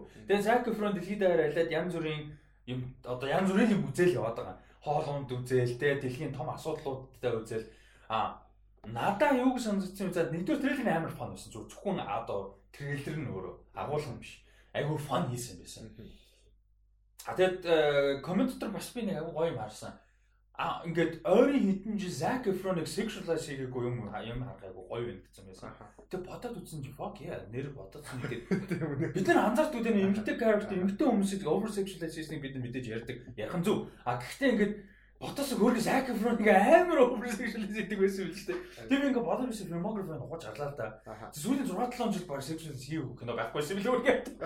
Тэр ингээ хаасаа өө нэр shit нэр тийм биш гэж бодсон. А тэгээд агүй фан амар юм баг шууд үзмээр санагдсан юм. Хайп. А гэхдээ яг бодомод надад амар pretentious давхар санагдсан. Гэхдээ надад яг за чи ихлээ хэлчих. Яагаад тэгээ санагдсан бэ гэхээр за Zac Efron гоё байна те ингээд гоё юм хийж болж байна. Гэхдээ надад зүгээр илүү фан дээр би амар тэнэг шүмжээж иж магадгүй шүү. Тэнэг гэж шүү ойлгосон тийм. Юу гэхээр зөв нэг юм хийвэл тэрэн дээр илүү жинтэй хийвэл гэж би бодоод байгаа байхгүй юу? Тэр нь илүү мессеж нь очно. А өөрөөр хэлбэл ингээд амар fun pure adventure юм хийж байгаа бол тэрийг хийнгээ асуудал хөндөх. Ер нь тэр нь өөрөө асуудлын хөндөх нь илүү үр дүнтэй. А нэг бол асуудал хөндөх байгаа бол нэг нэсэн purely асуудал хөндөх. А тэрийг fun хийх. Ойлгож байна нөө нэг тал руугаа илүү лин хийгээд нөгөөдгөө жоохон spice хийх те нөгөөдгөө. Энэ болохоор яг хуулийн харьцаа гэдэг байна. Ингээд амар фантэй хоол моол идэл мэдээл гээл international food гэж чинь бид амар global юм юм юм элэг юу юу ч юм тэ асуудал яриа. Тэгснээ буцаал ингээд амар гой завь мөр аялснаа дахиад амар том асуудал. Тэнгүүд ингээд яг хөнж байгаа сэдв агуулга нь ингээд амар юм хоёр тишээ ингээд савлаад байгаа юм шиг надад харагдсан. Аа гэтээ яг үзэхэд гоё байж байгаа тэгвэл те юм мэдгүй зүгээр яг трейлер гаргаад Аа трейлер яа яалчгүй фан харагдчихлаа. Тэгээд үзмээр санагдсан гэж хэлж болно. Гэхдээ аа над юу гэж бодогдсон бэ гэхлээр зүгээр нэг ийм төрлийн яг ингээд асуудлуудыг гаргасан ч юм уу нэг бол ингээд харуулсан одоо цувралууд их байдаг.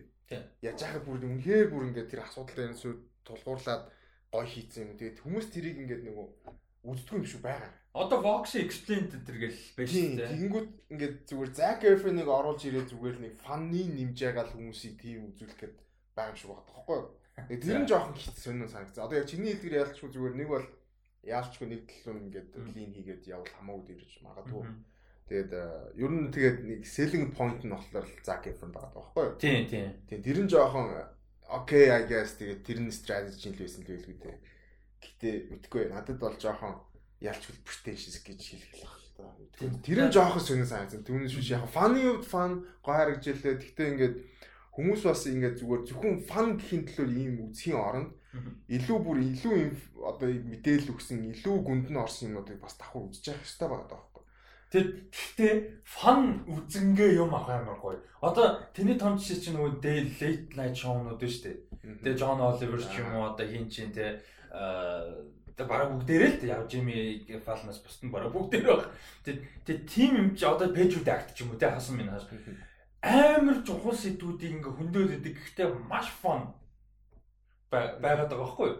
Тэр нь айгу уулын сонирхолтой. Тэгтээ энэс яаж чадах уу гэдэг бас. Харин зүгээр надад зүгээр Zac Efron Тэг ямар ч үзнэ би бол яг үзнэ гэж бодож байна. Тэг гой байгаасаа. Аха. Тийм. Зүгээр яг гоё хийсэн байвал тэгээ болчих жоолоо юм л да. Зүгээр энэ дөр амар hopeful дээ. Зүгээр яг шүүмжтэй хандах юм тэр байгаа даа. Тэр entertaining гээд гоё юм хийхээр бас нөгөө илүү үзэх магадлал их байж магадгүй. Тэр чинь бас уулын зөв давуу тал л да. Ингээд entertaining fun маягаар хийгээд хүмүүийг бодоо тийм сэдв хөндөг ч юм уу. Тэгээ заавал тэр fix их одоо гаргалгаа гаргаалгүй шүү дээ. Зүгээр Efron fun явж байгаа энэ ийм асуудал байна. Гэл фан явж байгаа явчихад бас болохгүй юм бол байхгүй байхгүй. А тэр энэ миний нөө төрөний ярьсны эсрэг үзэг нь байхгүй. Тэгээд хангалттай байхгүй гэж байгаа юм шиг мөртлөө саний минь ярьсан нэг эсрэг. Тийм яг хөө нөгөө ямар нэг юмны нөгөө инсентив одоо юу мөрчөндөө gateway болох юмнууд бас байдаг л да нөгөө яг хөнгөн хийж хүмүүсийн сонирхлыг татаад тэгээд хүмүүсийн судлаад илүү судлааж явах юм байдаг. Бас яг хөө тийм байх юм бол яг гоё юм бол гоё. Тийм болохоор бас нэг бодлын нөгөө яг тийм яг сэтгэл төрүүлэхээр хийцэн байвал бас гоё гэж магадгүй. Одоо нэг бол одоо Netflix тэн дээрээс суйрлаад тэ энийг дараа энийг үзээрэй гэдэг ч юм уу. Энтэй адилхан юм байдаг шүүгээд илүү одоо нөгөө яг гүнлүүн орсон бас нөгөө цуурлуудаа нөгөө бас давхар нөгөө промот хийгээд байвал гоё гэж магадгүй. Тийм тэгээд Тийм гэхдээ бас Zac Efron-ыг бас яг чиний сая хийсэн яг түн түн л юм байна те. Sexualize хийгээгүй юм дээр үзэх бас сонирхолтой байж. Харин тийм би яг бодсон чинь яг яг хоо сая зүр нөө Ted Bundy кино шин тэрэн дээр Sexualize нэр хийгээгүй шүү. Тий. А тийм баг. Тэр болж байгаа шүү. Гэхдээ ер нь бол ихэнхдээ тэгсэн байлаа. Тэгээд Аа ганц юм энэ болохоор юун дээр байхгүй юм байна. Аа Netflix дээр Монголд орохгүй юм байна. Аа зүг зүг. Тэгээ Монгол дахь Netflix-ээс бол үзэх боломжтой. Тэгэхээр хэдүүлээ сайхан төрөлдөлнө гэсэн. Төрөлдөлнө гэсэн үг юм лээ. Тэгээд as if we can't те. Алитээс орсон хүмүүс. Нэг бол VPN. Гэтэ ах VPN амар big deal бөө юм болт юм аа VPN. Жохоо ядрахтай. За. Тэгэхээр ямар ч юм гэхдээ тухайн үед нь үзнэ гэж бол бодож байгаа. Энэ Old Guard гарчаас Old Guard-ын талаар гоё ярмаар байна. 7 сарын 10-нд. А тэгээ саний 7 сарын 10-нд орно. Zac Efron-ы шоу. За тэгээ дараагийнх нь Netflix-тэй холбоотой зүгээр мэдээлэл байгаа.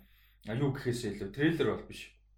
Энэ юу гэхээр а Cyberpunk 2047 гэх тоглоом гарах гэдэг байгаа шүү дээ. Энэ бол амар хайптай бүр одоо 47 илүү 77 77. Би 47 гэсэн. 77 sorry. Аа би тэг андуурсан байна. Тэгээд энэ Cyberpunk 2077 маш хайптай байгаа. Тэгээд энэ хайпн дээр тоглолт гараачгүй байгаа тоглоомны хайпн дээр дахиад хайп нэмэх юм мэдээлэл гарсан юм нь болохоор Cyberpunk Edge Runners гэдэг нэртэй аниме гарахаар болж байгаа юм байна. Яг actual Japanese style аниме гарахаар болж байгаа юм байна.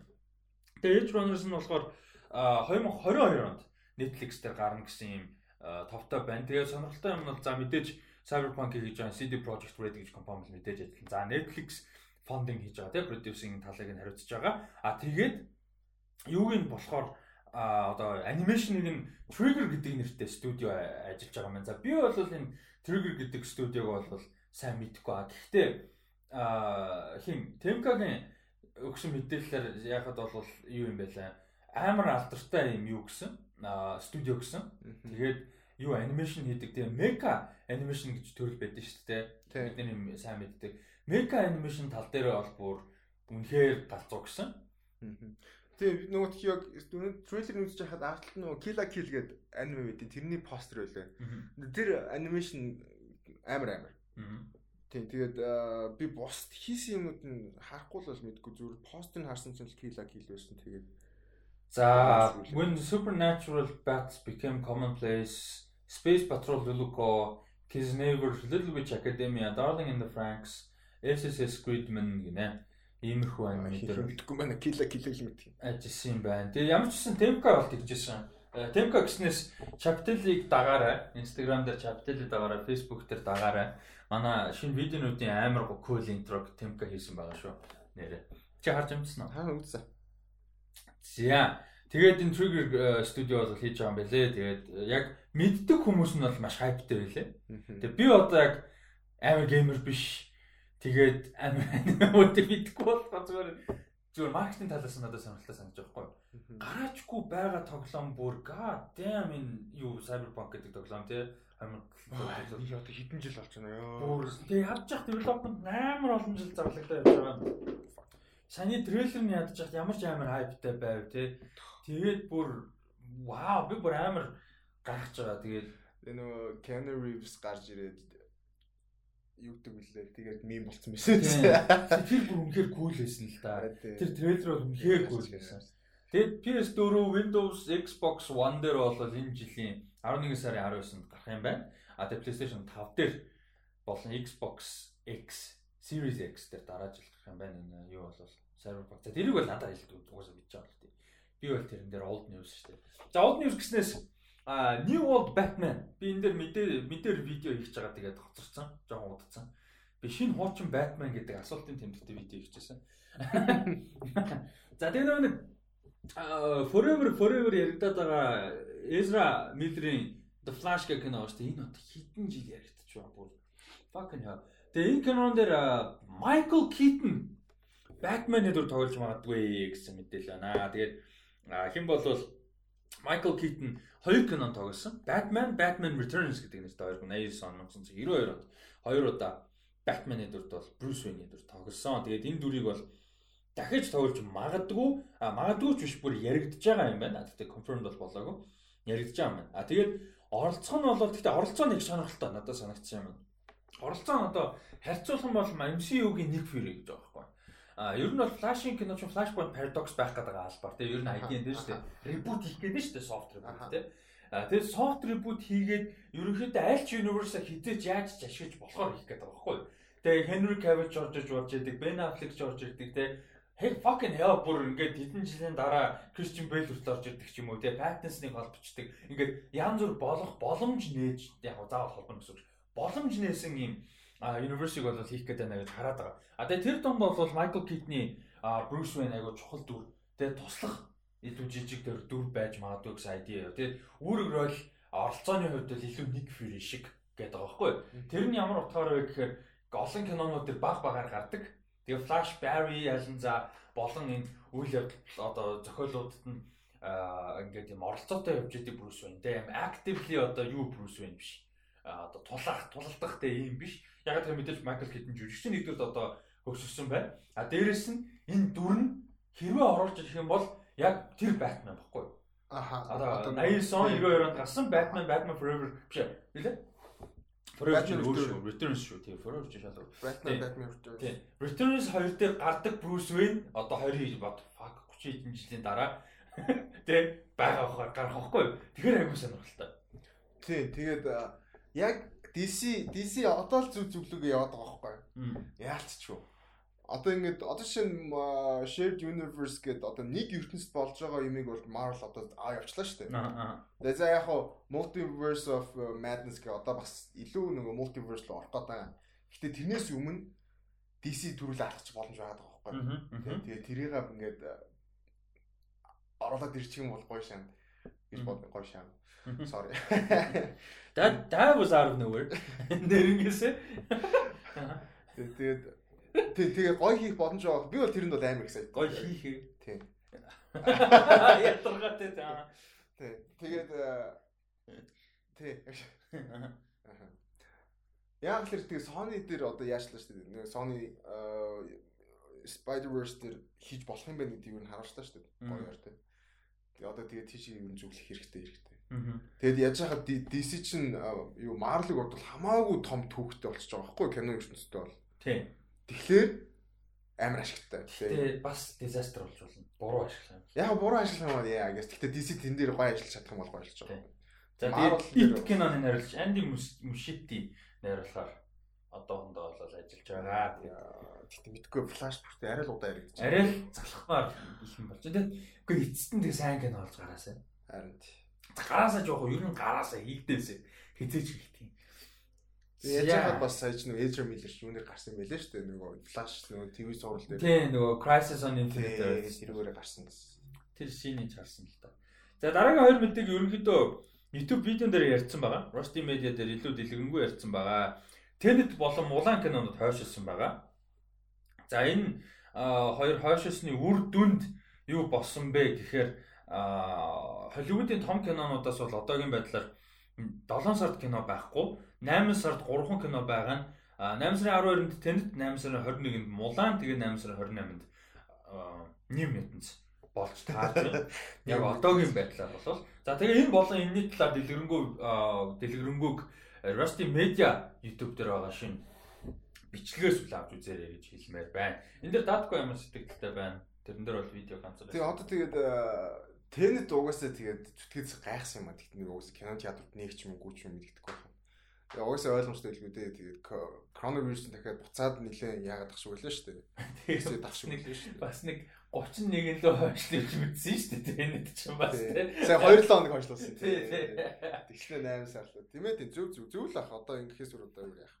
Тэгээ яаж яхад юу юм бэ лээ. Бид нөгөө тэр нийтлэл нь уурсан чинь Нью-Йорк болон нөгөө Лос Лос Анжелес хоёр нөгөө кино театр нэхгүй гэдэг. Тэнгүүт нөгөө хамгийн том Америк хамгийн том хоёр зах зээл дээр гарч чадахгүй бол угаасаа худлаа болчихсон. Сая өнөөдөр Дайн Мөрлин шоун дээр амар том сэдв хүндсэн яасан бэ гэсэн чинь энэ оны film year одоо year тэг кино хуваарийг бүтэн ингээ хоослох одоо юу байна уу тэг шаардлагатай үгүй юу гэдэг сэдв хүндсэн. А тэр зүгээр нэг тийм хоосон доо биш. Тэгээ манайх юу гэж ярьсан бэ гэхээр Broadway зарласан юм билээ сая. Бүр энэ он канселт юм билээ. Broadway. Бүр энэ он. Энэ он Broadway ямар шоу. Бүр энэ он дуустал. Тэгээ Hamilton нөгөө Disney Plus руу орж байгаа юм байна. Тэгээ ганц Hamilton шүү дээ. Ер нь бол тийм. Тэгээ бүр энэ жил ингээ Broadway гэж байхгүй юм байлээ. Бүтэн оноор. Тэр чи амар том дээ шүү дээ тийм. Тэгээд гисэн чи юу ч юм гэхээр за театр эргээд ирлээ. За Монголд бол яг өөр асуудал чинь гол юм Америк ч Америкт байхгүй бол бид нар үзэхгүй шүү дээ тийм үү. Тэгээд за Америк театрууд нээлээ за 30% 25% дүүрэлттэй ажиллаа тийм ингээд хоорондоо зайтай ажиллаа гэхэд тэр нь бизнес талаас хэр ашигтай вэ? Яг ашиг олж чадах уу тийм ингээд кино театр сүлжээнд явж туу тэгтлээ хүн дүүрэх үү 30% та ажиллана гэдэг 100% суудалд 30% дүүрнэ гэсэн үг биш шүү дээ. Аха. Тэгээ энгийн үед кино театр ер нь дэлхийд даяараа л нэг нэг 30-аас 40% л дүүрэлттэй байдаг. Average нь өөрөө тийм байдаг. А том нээлт бол за окей fine нээлт дүүрлээ үдсэн хугацаанд бол баг байсаар гал дуусна шүү дээ бас. Ер нь дэлхийн хасаар үт юм байдаг. Тэгэхээр тэр чинь одоо 30% төр дүүрэлтэй байгаа гэхээр за эхний үеиг 30% дүүрлээ. Тэгээд цаашаа тэр чинь ингээд 30 биш та 20 10 хэдэн хувь нь ингээд суудaltaй байна гэсэн үг шүү дээ. Тэгэхээр тэгээд ирэхээр бизнес талаас хэр ашигтай вэ? Тэгээд кино театрууд ажиллах. Тэгээд ер нь бол энэ тэгээд тэр чинь кино театраас гадна студиудад ямар ашигтай вэ? Тэгээ Tenet Wonder Woman юу гэдэг юм хэдэн 100 сая долларын продюсеруудыг тэгж нээлттэй хийж унгаах тий шаардлагатай юу гэдэг бас айгүй бод бас хүндүүштэй сэдв байлаа. Тийм. Гэхдээ одоо тэгээд Chronoverse-ийг дуусгахыг хүлээн гэхлээр бас хэцүү болчиход байгаа юм л.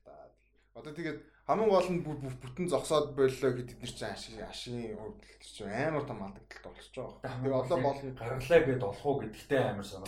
Одоо бүр тийм хэмжээнд хүрээд байгаа байхгүй. Тэгэхээр хэцүү л ах л та. Тэгээд одоо яг байхгүй. Тэнд бол яагалах шиг байлаа шүү дээ. Нэг урт нилээн урт хугацаанд нөгөө авлаа шиг гаргана даахгүй хуучны мод шүү дээ. Нөгөө нээлттэй хийгээд маш удаан. Маш удаан гарна гэсэн нэг тийм айдиад байгаа гэдэг хэлсэн тийм. Нэг бол одоо гэхдээ тэр чин тэгээд тэгнэ гэхэлэр чинь кино за яг хуу одоо жишээ 7 сар 8 сард 7 сар кино байхгүй 8 сард 3 кино байна гэхэлэр чинь бас нэг бодол тэгээд бас нэг бодлыг бас зохицуулсан нөгөө цаг хугацааны яг Америкт бол кинонууд байна. Скейлийн хувьд болчиход байгаа. Америкт 7 сарын 31 мянган кинонууд байгаа. 8 сарын эднээс үүдхлээ тэд нөгөө жижиг кинонууд байгаа. Яг нэг дурдаад яахаа гэж бодсон юм. За дараагийнх нь 9 сарын 20-нд зохион байгуулагдах ёстой товтой байгаа 72 удаагийн Emmy-гийн одоо зүгээр юм шнэ Prime Time Emmy Awards болох хэвээр юм. Одоогийн байдлаар бол болно гэсэн төлөвлөгөөтэй байгаа юм байна. Тэгээ Jimmy Kimmel хөтлөн гэсэн юутай байгаа. Төлөвтэй төлөвлөгөөтэй байгаа. Тэгээд маньгүй айгүй инээдтэй яриа өгсөн байна.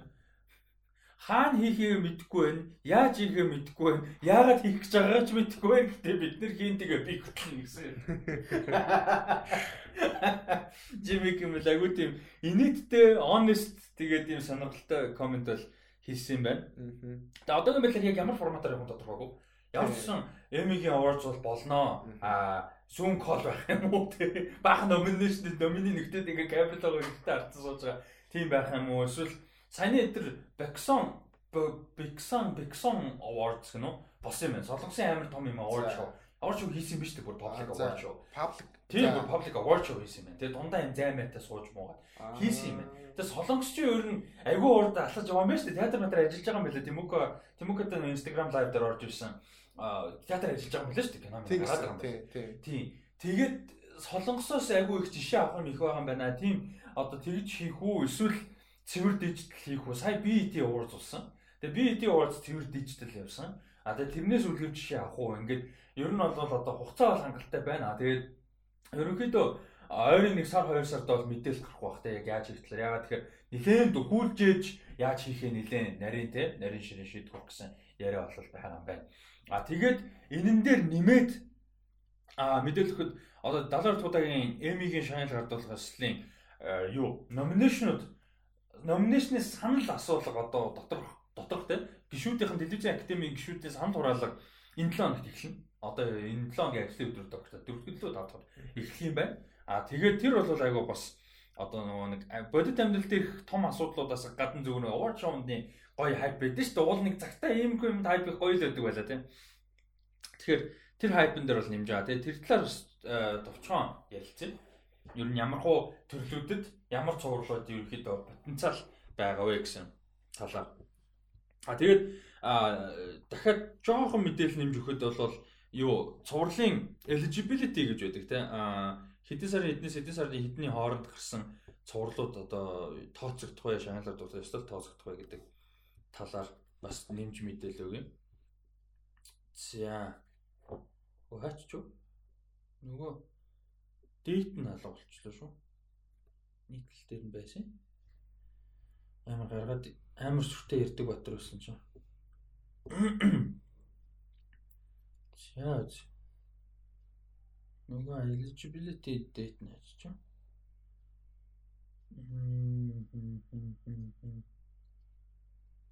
За алга болчлоо өрхөө. За амарч байсан энэ сарын 5 сарын 31-нд дуусчих хэвээр. Би бол тэгж бодож шүү. А 3 нэг 3 4 баха хаал зөрөг бах. Энэ чинь энэ оны 5 сарын 31-нд дуусчих хэвээр. А тэгээ forecast за драма төрөл дээр ямар цувралууд ерөөхдөө яригдаж байгаа вэ гэсэн айдиа байна. Хамгийн одоо өндөр магадлалтай. Энэ гэхдээ юу шүү энэ Hollywood Reporter-ын сэтгүүлч Scott Feinberg гэж хүний зүгээр таамаг шүү тийм энэ бол нэг хүний таамаг байгаа. За хамгийн түрүүнд ярьж байгаа бол Ozark, Succession, The Crown, Better Call Saul, The Handmaid's Tale, The Morning Show, This Is Us, Westworld гэсэн цувралууд бол хамгийн түрүүн нэр дэвших магадaltaй гэж бол энэ хүн үзсэн байна. За тэгээд нэлээд өсөлтөх чадвар өндөртэй зурлууд гэх юм бол Killing Eve, Pose, Big Little Lies, The Outsider, Homeland, Stranger Things, Black Mirror байж болох юм аа тий бас гэж бодож байна. А дээрэс нь нэлээд одоо бас боломжтой гэж үзэж болохоор зурлууд юм бол The Mandalorian, Hunters, The Good Fight, Mr. Robot, Luther, Euphoria, Homecoming, On Becoming a God in Central Florida гэсэн зурлууд гэж харж байгаа юм байна. А бүр боломж нэлээд бага. Тэ одоо ер нь баг боломжгүй гэж харж байгаа. Гэхдээ чанартай зурлууд гэмэл Yellowstone, Mindhunter, Billions, Outlander, My Brilliant Friend, The New Pope, Peaky Blinders, Legion гэж харж байна. За сайн харах юм бол нэлээд popular шоунууд боломж багтай гэж харагдаж байгаа. А за comedy зурвал дээр бол за front run-уудын яриа явчих. Marvelous Mrs. Maisel, Schitt's Creek а сая хоёр юм шүү. Marvelous Mrs. Maisel тэгээд Schitt's Creek хоёр юм шүү. Тэгээд Curb Your Enthusiasm, Insecure, Dead to Me, The Good Place, The Kominsky Method, тэгээд What We Do in the Shadows гэсэн зурлууд магадaltaй гэж харж байгаа юм байна. А тэгээд нөгөө нэг major threat буюу одоо магад бас нэлээд үзэж магадгүй гэсэн таамаг дээр нь бол The Great байна. Хөөх хараад энэ нөгөө нэг хиний Эл Фанингийн тоглосон. Юу штэ цуврал Николас Холт хоёртой. Тэгээд энэ Dickinson, Emily Dickinson-ы тухай нөгөө хин тогсон. Haley Steinfeld тогсон. Apple TV Plus нэр. Энэ байна. За шилдэг богино хэмжээний цуврал дээр Unbelievable, Watchmen, Mrs America, The Plot Against America, Little Fires Everywhere а гэсэн зурлуудыг бол магадлал өндөртэй гэж харж байгаа юм байна. Телевизэн кино гэдэг дээр Bad Education, El Camino, The Clark Sisters, American Son, Patsy and Loretta кино байна. А шилдэг жүжигчнэр за энэ нэлээд за дуртай бол Bob Odenkirk Better Call Saul-оор яригдж байна. Succession-оор Brian Cox яригдж байна. За өөр төрлүүд за жүжигчний төрлүүд айгүй олон хүн байгаа учраас энэ чи аудиогоор ярихаар айгүй сонирхолтой болох гэдэг. Аа гэхдээ сайт болгон дээр гаргасан листүүд нь өөр. Тийм тийм өөр байгаа өөр байгаа. Бараг энэ нөгөө медиатай холбоотой бараг бүгдээрээ ерөөхдөө юм юунуудад таамгууд болдог шүүсэн байна. Тийм. Тэгээд энэ бол зүгээр яг Hollywood Reporter дээр л нэг ирж байгаа. Ер нь бол за talk show гэсэн чинь Front Runner Last Week Tonight HBO-гийн аа хэмтэлдэг, John Oliver хүртэлдэг. Late Show with Stephen Colbert За Late Show with James Corden, Jimmy Kimmel Live, Daily Show with Trevor Noah, тэгээ Some Good News гэнэ. Some Good News John Krasinski-гийн. Эний чи CBS авсан тийм. За тэгээ өөрөө хөтлөхгүй. Тэгээ энэ шоучуудад ихэр чи юу болж байгаа юм болоо. Тэгээ яах вэ? Чи ер нь энэ энэ юунуудаас ток шоунуудаас variety talk шоунуудаас юм дуртай. Өнөөх үзэхгүй байгаа дөө би ч одоо жил 2 жилийн өмнө битүү үздэг ус одоо яар болж байна. Гэтэ John Oliver ер нь явж явж ер нь сүүлийн 2 3 жил баг давмгалаад аваад яваад байгаа шүү дээ эмигээ. Тийм. Тэгээ Джон Оливер бол ялчгүй гоё. Тэгээд Trevor Noah бас амар фан гэдэг үзгээд бусдын ч за мэдгүй дээ. Тэгээ possibility гэсэн чинь Patriot Act-д хасан минь хааш тэгээд Jesus Mero гэнэ. Patriot Act-нэр дээр чинь би бол амар баярлалаа. Миний одоо яг хамгийн амар тогтмол үзэж байгаа John Oliver-ийн Last Week Tonight тэгээд минь хаашийн Patriot Act тэгээд Daily Show with Trevor Noah Тэгээ манай үчин нэрээ нөгөө нэг social distancing show болгоо нэрлэлсэн шүү дээ төр зур. Тэгээ энэ гурыг бол зүгээр яг тогтмол үзэж байгаа байна. А Colbert би нэх үздэггүй. Хаяа үзтээ. Тэгээд Corden би ерөөс үздэг. James Corden ерөөс. Corden бас үздэггүй тийм. Тэгээд би Jimmy Fallon ерөөс үздэггүй. Jimmy Fallon би баян үздэг гэсэн нэг. Fallon нэг тийм нэг тийм ингээд all color no content гэдэг юм амар их чихэртэй ундаа шиг ингээд юм юу ч байхгүй гэхдээ амар их юм та. Нэг юм санагдаад байт. Тий. Аа за тэгээд а энэ энэ хүмүүс сонирхолтой байж магадгүй. Аа шилдэг non fiction зураг эсвэл докюментари гэж энэ аягүй сонирхолтой. А энэ дэр хамгийн магадaltaй гэж ярьж байгаа нь айгуу гар гэж байна. The Last Dance мэдээж энэ сүүлийн хэдэн сарын яриа боллоо. Tiger King. Тэгээ Hillary, Country Music Macmillions гэнэ. Tiger King. А тэгээд э, бас э, өөр яригдж байгаанууд нь гэх юм бол нөгөө юу харагдаж байна. Jeffrey Epstein-ийн докюментари харагдаж байна. Cosmos харагдаж байна. The Trials of Gabriel Hernandez гэнэ. Энэ юм бол. За энийг сонирхнаа. За ямар хүн тэгээд ер нь бол Эмигийн шагнал авдаг хэвчэл 9 сарын 20-нд болно. Тэгээд бас сонирхолтой. Тэгээд ер нь Эмигийн үеэр яг бид нар нэг Америкт байгаа хүмүүс биш нөө бүх юм ин үзээд шалтдаггүй те. А одоо Америкт байх шаардлагагүйгээр бүх юм ин үзэх боломж байсан ч гэсэн цаг хугацаа олж асуудал байдаг. А гэхдээ гоё юм нь юу гэдэг вэ гэхээр эмигээр аюу олон цувралууд те гоё ингээд шоунууд олж мэддэг. А за сонссон байсан шоунууд дээр илүү барьцтай болдог. Тэ оо энэ каст нь гоё юм байна. Оо энүүгээр нэрэ шагаанаас энэ дажгүй байгаа да гэдэг ч юм уу. Үзэх сонирхолоос төрүүлдэг ийм бол байгаа. Тэгэхээр гоё байдаг. За дараагийн мэдээ Colin Kaepernick гэдэг одоо юу байгаа? Америк Америкийн хөлбөмбөг, Америк хөлбөмбөгч юм. А 17 оноос хойш бол одоо хүртэл free agent хിവэрэ байгаа баггүй. А тэгээ мань хүн бол 2016 онд яг нэг тоглолтын дээр одоо арьс өнгөний ялгуурлал, systemic racism те injustice шудраг бус байдал, violence тэр бүхнийг эсэргүүцэж зүгээр төрийн дуулал дээр өвдөржтэй гараа одоо хатгсан байдалд зогсоод эсэргүүцэл үзүүлж маш том ярианы сэдв болж исэн. Талан мань хүнийг даалж хэдэн тэ үзэн ядаж талан мань хүнийг одоо юу гэдэг дэмжиж мундаг юм хийлээ, өвөлт хийлээ гэж яаж исэн. А тэгээд тэр бол маш том ярианы сэдв болж исэн. А тэгээд тэрнээс хойш бол мэдээж мань хүн активизм зогсоогоогүй идэвхтэй байсаар ирсэн. А бас зүгээр байхгүй юм ээжж бүрдүүлээд мөнгөж олсон. Тэрийг бас мартаж болохгүй тэр хэсгийг нь. А гэхдээ активизм бол хിവэрэ байгаа. Тэгээд мэдээж яг одоо үед юу болж байгаа байлээ гэдэг хүмүүс сайн мэдж байгаа. Тэгээ 19 онд хөгжүүлэлт хийж ирсэн цуврал байгаа маань limited богино хэмжээний цуврал Colin Kaepernick-ийн амьдралын тухай богино хэмжээний цуврал хийгдэж байгаа маань. Энэ бол яг одоо докюментари бол биш. Одоо яг зохиолтой тийм драма юм байна. Өөрчлөлтөнд тоглоно гэсэн. А тэгээ өөрөө narrate хийн. Тэгээ Eva DuVernay хийж байгаа юм байна. Netflix дээр гарах юм байна. Оо зөө зөө зөө. Eva DuVernay-ийн докюментаригаар одоо бүр яг бодоо болгож штэ. 13th Wednesday Years. Тэгээ Years чинь докюментари шүү дээ тийм одоо бос үйл. Ер нь болсон үйл явдал тийм. Тэрийг юу заавал гүйцэтгэл гэдэг юм. Тийм. Тэгээд гэхдээ спорт ярьсны. Ливерпул чемпионс болсон юм. Аа тийм гэхдээ яг ийм сэдв ярьж байгаад орж ирэх байсан үгүй юу гэдэг. Тэгээд зүгээр спорт зүгээр дүрцнэр гэсэн шүү. За яа дали дали орж ирсэн зоочлаарай.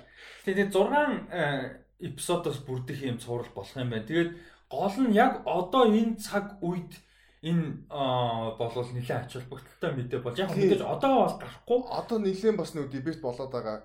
Нөө яг яг хөө гэхдээ яг юун дээр нөө колони юун дээр нь карьер дээр нь ESPN дээр ш дебет болоод хаас айгуус дебет болоод нөгөө хүмүүс одоо дахиж нөгөө багууд одоо free agent байж хат авах хэвээр юу. Нэг бол одоо нэг бол активист болохоор ингээд нэг бол тэрийгээ хөөгөөд яг спорт орхих хэвээр юу ч юм уу Тиймэрхүү юунууд их явж байлаа.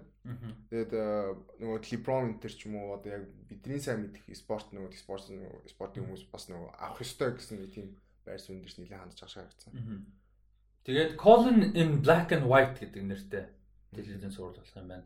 Тэгээд яг Colin Kaepernick энэ дээр өөрөө ярилцлага өгсөн юм дээр бол ингэж л ялдаг. Racism гэдэг зүйлийг бид нар ихэнхдээ цагаан хүмүүсийн өнцгөөс тэ race болон black story тэ өнгөт тарьстай хүмүүс та юу гэсэн би сая сүүл нөгөө нэг Uncomfortable Conversations with a Black Man гэж зурвал үзлээ. Аа. Хоёрхан эпизод л байгаа. Нэгдэр Madam McConaughey орсон. Нэгдэр apparently ямар алдартай хоёр хос гэр бүлтэйг орсон. Тэгээ тэр айгуу сонирхолтой ч үзээр айгуу айгуу сонирхолтой байлаа. Тэрэн дээр Madam McConaughey ярьсан хгүй. Тэр яриасан. Юу гэж дуудах хэвтэй вэ?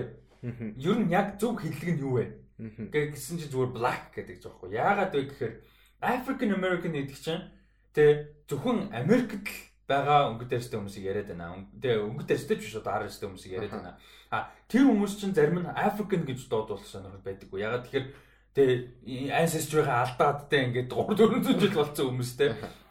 А тэгээ дээрээс нь Caribbean ч юм уу өөр тэгээ Америк өмнөд Америк твээс ингээд оо яг бүр actual African те ингээ олон хүмүүс байдаг учраас зүгээр black гэж ярих нь хамгийн least offensive хамгийн clear хамгийн одоо ийм ээ гэж ярьж байлээ шүү. Ер нь бол. Тэгээд яж хах Ниго гэдэг үг чинь хар гэсэн үг юм байлээ шүү дээ хаанах. Испанаар. Испанаар. Тэгэхээр бас жоохон тэр хэцүү те. Тэр би нөгөө нэг ингээд миний нөгөө нэг энэ э, perception lens шүү дээ те. Perception юм ингээд амар westernized western юу байхгүй. Тэгээд яг дуу муун дээр ингээд air төгснөр нэлээ. Тэгээд зүгээр чамаагсаа шууд ингээд шууд ингээд хэлсэж үү лээ гэж бодлоо. Амар орж. Тэгээд ер нь бол хар өнгөг бас тэгж хэлдэг л дээ латин латины орнууд буюу Испанилд ялангуяа. Тийм байдаг. Тэгээд ер нь бол race issue за тэгээд хайрцтай хүмүүсийн юунууд асуудлууд бол ихэнхдээ цагаан хайрцтай хүмүүсийн цагаан хүмүүсийн одоо амьдралаар та цагаан хүмүүсийн нүдээр чихээр бодлоор үзлээр ингэж харагдаад байдаг а тэрийг тэр перспективыг өөрчилж ийж бид нар тодорхой хэмжээнд өөрчлөлтөө нөлөө болвол гаргана гэсэн байна. Тэгээ тэрийг ч бас буруу гэж хэлэхгүй байх гэж бодож байна. Аа тэгээд э, нэгэнт нэгэнт дундуур нь датко орж ирсэн юм чинь Ливерпул авраг авсан. А гэтээ тэр энэ ингээд нэг тийм жоохон харамсалтай юм ингээд 30 жил хүлээгдээд бүр ингээд амар хайптай байгаас юм мэдээж амар антиклимактик болсон. А гэхдээ авсанд нь no less happy. Obviously super happy. Үнэхээр гоё байгаа жаргалтай. Гэхдээ бүр hysterical галзуур байсан байхгүй. Энэ ингээд ийм болоогүй байж байгаа. Premier League нь явж байгаа. Тэгээд авсан бол бүр ингээд яг бүр яг солиорох байсан байхгүй. Тэгээ одоо нөгөө юуд City-тэй тоглоно шүү дээ. Тэрэн дээр яах вэ? Ёслол. Guard of Honor бол яг одоо юу биш enforced law дүрм биш. Тэхгүй байж болно. Гэхдээ тэхгүй байхад хүмүүс зүгээр City-г л жоохон мухаас харагдана л гэсэн. Тийм. Тэгэхээр ер нь City-гийнхэн баг юу байх вэ? Guard of Honor баг хийх байх. Тэгээ тэр бол нэг тийм бичигдээгүй зүгээр л нэг хууль байдсан шүү дээ тийм. Тэр биш зүгээр л нэг хууль бичигдээгүй хууль. Тийм. За тэрийг тэмээ тийм. Ер нь бол happy байгаа шүү. Тэгээ Barca is going through some shit. Ер нь Barca has been shit for a while. Тэгээ зөвхөн тоглолтын дээр биш. Governor зөвхөн байгуулалт өдөр Харин тийм болоод гэсэн үг амар юм болж байгаа бүр бүр амар юм болж байгаа. Би нэг асууж байгаа шүү. Яг спорт спорт асуулт. Дараа жил Челсиг юу title contender уу? Оо outside shot ер нь бол яг ингэ ийм асуудал байдаг. 8 exciting байж болно. Аха. Тэрийг клик хийлгэнээд хамгийн том байдаг. Одоо сая өнгөрсөн жилийн 100 Реал биш тэрний өнгөрсөн жилийн 100 байна да амар 8 мэдээсэн зэрэг Лука Йович, Мович, Эдер Милитао өөр хин имжлэг бүр ингэ зааш та чимка хаална гэсэн чинь яасан байхгүй бүгдээрээ таг зэр. Нэг хуучин идэн л моторцсон. Одоо Реал бол харин гой тогтчихно. Гэтэ энэ үйлрэлийг бол амар хэцүү хэлсэн дээ. Аа тэгээд дундаж багууд байна. Тэгээ West Ham амар 8 хийдэг. Тэгээ ингээ явдаг. Ливерпул ч гэсэн 8 минут яваагүй удаанууд байгаа. Тэр Анди Carroll Marley авдаг ч юм уу. Exciting 8 нэг бол нэг асуудал. А тэр клик хийх өөр асуудал. Тэг хэрвээ клик хийгээд тэр амар гоё exciting залуу тийм хүүхдүүд байсан биш байхгүй. Ийм тогтцсон карьертэй тэгсэн мөртлөө залуудыг ийд явж байгаа. Бүр ийм ийм яг гал насж байгаагаар байгаа байхгүй. Нэг 21 2 дэх хүүхдүүд бас яг биш. Яг гоо Тами Абрахам Абрахам байгаа л та. Гэтэ одоо Вернер Мернер Хаким Зиештэй Росс Баркли ч юм уу. Энэ хэд чи яг ингээд 24 5 6 та яг ингээд нэг юм хүүхэд биш яг давтсан гэрэлтэй. Тэгээд залуухан тэгээд яг юм physically peak дээр байгаа. Тэгээд дээрээс нь сайжрах боломжтой. Ийм бүр амар бүр төмсч тэгээд бүр жоохгүй. Тэгээд ер нь бол нэг одоо яригадаад байгаа Ben Chilwell энтрийг аавна гэдэг зүнс хамаач ер нь бол дахиад ганц өөр 8 хийчвэл Chelsea яг on paper тэгээд яг нөгөө нэг одоо техниктэй талаас нь харах юм бол үнэнхээр өсөлдөх боломжтой харагдана. Гэхдээ яг өсөлтөө мэдгийг бол олон жил үдсэн хүмүүс л мэднэ тийм амар биш. Week to week to week to week тэгээд дээрэс нь League Cup, FA Cup, Champions League да да гэдээ яваад ирэхээр тэр бүрэлдэхүүн чинь шал өөр асуудлуудад тулгарна те гэмтэл байд юм уу? Бүрэлдэхүүний одоо нөгөө нэг өргөн хүрээд хэр сайн сэлгээтэй вэ гэдэг ч юм уу те. Тийм их юмнууд гарч байна. За за. Тийм, ер нь тийм их шүү. Окей. Өсөлтөг магадлал бол өндөр. Бараг дараа жил яригдах за Liverpool City угаас дахиад тодорхой. Дараа жилийн угаасаа third shot бол угаасаа хийсэн тодорхой тэр бол. Arsenal United Tottenham 3 тэнцээ угаасаа бүр after chaos дунд байгаа дээ. Leicester бол барьцгүй. Яг го мэдээж дараа жил Champions League-ийн байранд л орох гэж үзэх байх. Энэ жил нэгэнд 3 явж байгаа юм чинь. Энэ жил алдахгүй дараа жил ихний дөрөөр үзнэ гэж мэдээж зорно. А тэгтээ ер нь бол Chelsea л авч шат шот байх дараа жил. Гэтэ хэлж мэдэхгүй 15-аас 16 онд Leicester яаж явж байгааг төрүүллээ тэгээд хэлж мэдэхгүй шүү дээ. Дараа жил Wolves төрүүлвэл гоё л юм. За. Нэг үйл ярил те. А Дараагийн мэдээ болохоор Pirates of the Caribbean-ийн хоёр дахь шинэ кино хийгдэж байгаа юм байна. Аа энэ сайн сонирхолтой мэдээ л. Тий, reboot байгаа. Reboot байгаа дахиад нэг basically хоёр reboot байгаа. Kind of. За эдгээр нэрлэлийг л ингээд худлаа ялгаад байгаа. Яг сэндээ зөв хоёр шинэ кино байгаа гэж ойлгож байна. Хойлоо үргэлжлэл биш. Хоёр шинэ кино. Ерөөсөө тэгэл ойлгож байна. А өмнөх нь юустай хамаагүй. А нэг нь бол энэ Craig Mason а одоо нөгөө Chernobyl-ээр л хүмүүс одоо сайн мэдээд байгаа шүү дээ. Last of Us дээр ажиллахаар болсон. Craig Mason тэгээ Pride-ийн ерөөдөө баг бүх анги дээр нь зохиолж ажилласан. Ted Editor хамтарч шинэ кино хийж байгаа юм. А би нэг бас одоо л мэдчихэв.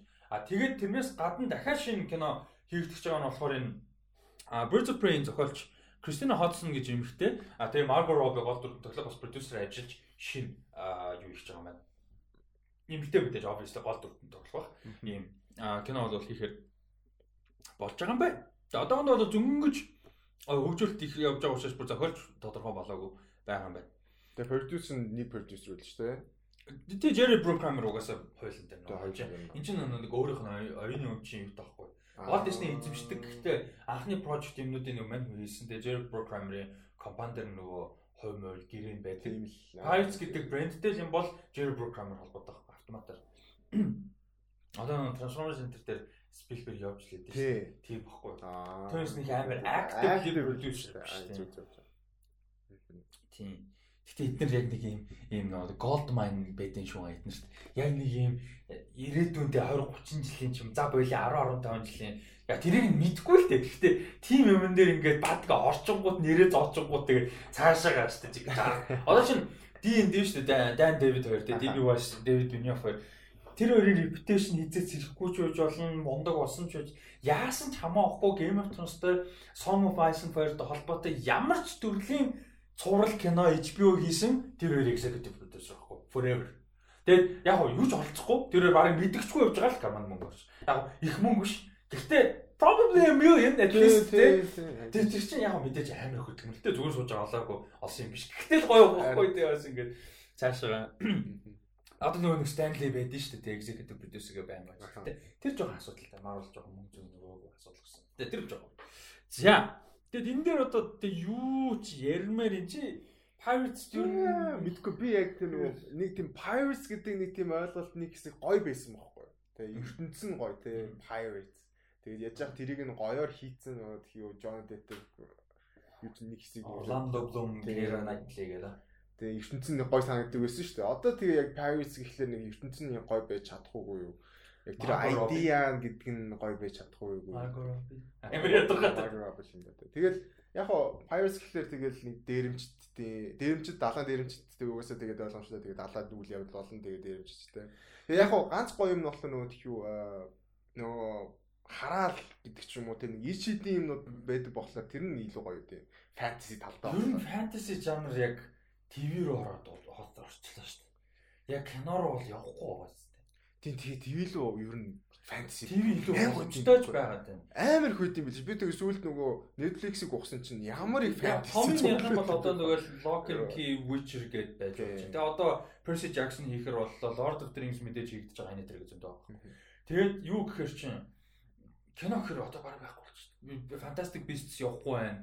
Тэ өөр одоо юу явахгүй байна сая нөгөө Disney-ийн гардаг чи юу лээ. Оо тэр Disney original нөгөө юунуудад бүр явдгүй шүү дээ. Нөгөө Nutcracker, Macker юу илээ тэд нар бол баг сайн гарсан чинь юу лээ.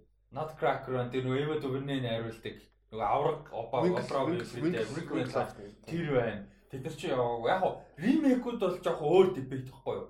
Яг фэнтези мөнлөлтөө Beauty and the Beast нэтэр. Гэхдээ тэр чинь ингээ нөгөө Lion King өмнөх юмны ремейк учраас амжилттай зарим нь те ингээд амирх мөнгө олоо зарим нь явахгүй одоо. Гэтэ ер нь фэнтези бол харин тийм. ТV руу ТV л орч. Тийм. Одоо тийм ТV гэж ярьдаг бас өөрчлөгдөх гэж би predict хийгээд байна. Амар мундаг юм яаж юм шиг. Ойлгомжтой юм дээ. Гэтэ specifically ТV гэж яхад одоо хэцүүлчихэж байгаа байхгүй. Яг одоо жишээ нь юу бол TV series. Гэхдээ web series ахгүй? Боддоор болвол. Тэ бидний өмнөх ярьж байгаа ойлголтны TV series мөн Тэгээ цогцолтой олон ангитай ийм. А гэхдээ формат одоо зүгээр зөвхөн Netflix биш ингээд Amazon дадаа тэгээд маш олон юмтай болчихсон шүү дээ Apple TV Plus. Тэгээ ийм олон юм TV-тэйгээ цуг явж байгаа. Яг нь overall TV series гэж ярьдаг нэг нэрлэл нь мөн. Гэхдээ web series гэдэг тайтл тийм эхлэх байх гэж. Ягаад тэгэхээр ялгаж эхлэх шаардлагатай болно. Одоо энэ The Flash, Arrow тэг ийм classical TV шоунууд TV series-үүд тэгээ web хоёр чинь ялгаатай болчиход байгаа юм байна тийм яг тийм production илүү байгаа даа тий тэр яг тэгэхээр яг хуу жоохон distinctive юм гарч магадгүй а нэг бол үгүйж болж магадгүй хэм мэдгүй тийм тэгээд яг хуу жоохон шүүмжлэлтэй хандах юм нь болохоор нөгөө олон ангитай юу мөр чимдээ story дээр яг хуу story дээр суурилах нь ойлгомжтой. Гэхдээ ертөнцөө хөгжүүлэх, давхар хөгжүүлэх хэрэгтэй. Одоо жишээ нь fuck Game of Thrones яг юугаараа мундаг юм чи ертөнцөө давхар хөгжүүлсэн байна. Game of the Thrones. Шал өөр шоу боллоо. Чи зөвхөн яг зөвхөн үгийг боддоо. Би зөв чамаг яаж юм шиг зөвхөн үгийн шүү заяа. Game of the Thrones. The Thrones гэхэлэр өөр болж байгаа. Game of the Thrones ингээд амар олон хаад. Game of the Thrones. The Thrones. Тэгээ амар олон шоунер хоорондоо алдсан. Би амар тэнийг юм дээр инээдсэн. It was амар in funny зэрэг би амар инээдсэн. Sorry. Game of Thrones дээр тэгээд ертөнцөө гоё болгосож байгаа байхгүй тийм методологигаа үүсгээд. Тэгээд ертөнцтэй уусаа тэр ертөнцийн нэг хэсэг болохоор байна. Тэгээд одоо шин Witcher Enter ч юм уу тэр чинь яг ингээд дүр дээрээ суурлаад явцсан. Гэтэ яг тэр ертөнцийг нь гоё болгож чадахгүй байхгүй. Тэгээд нэг ишид байгаа л гэдэг хүмүүс байгаа л гэдэг яг ямар учиртай энийг бол энэ газар нь ямар учиртай тэр газар нь ямар учиртай яагаад ийшээ явж байгаа ийшээ зүгэлж байгаа яагаад эльфүүд нь байгаад байгаа ойлгохгүй байхгүй. Тэгээ тэрэн дээрээ жоохон бас нөгөө ажиллаа тэр тэрийг хөгжүүлэх хөгжүүлэх хэрэгтэй би санагдав. Тэгхгүйгээр тэгэл нэг story байдаг, нэг character байдаг яваад идэг юу ч нь бол. Percy Jackson болгоо. Яг TV series-ээр хар надад амар гоё санагдаад байгаа байхгүй. Амар нөө одоо эдгээр чинь яг уур амьсгалаар нөөштэй зүгээр fantasy-г нэг дор хийж болохгүй шүү дээ өөр.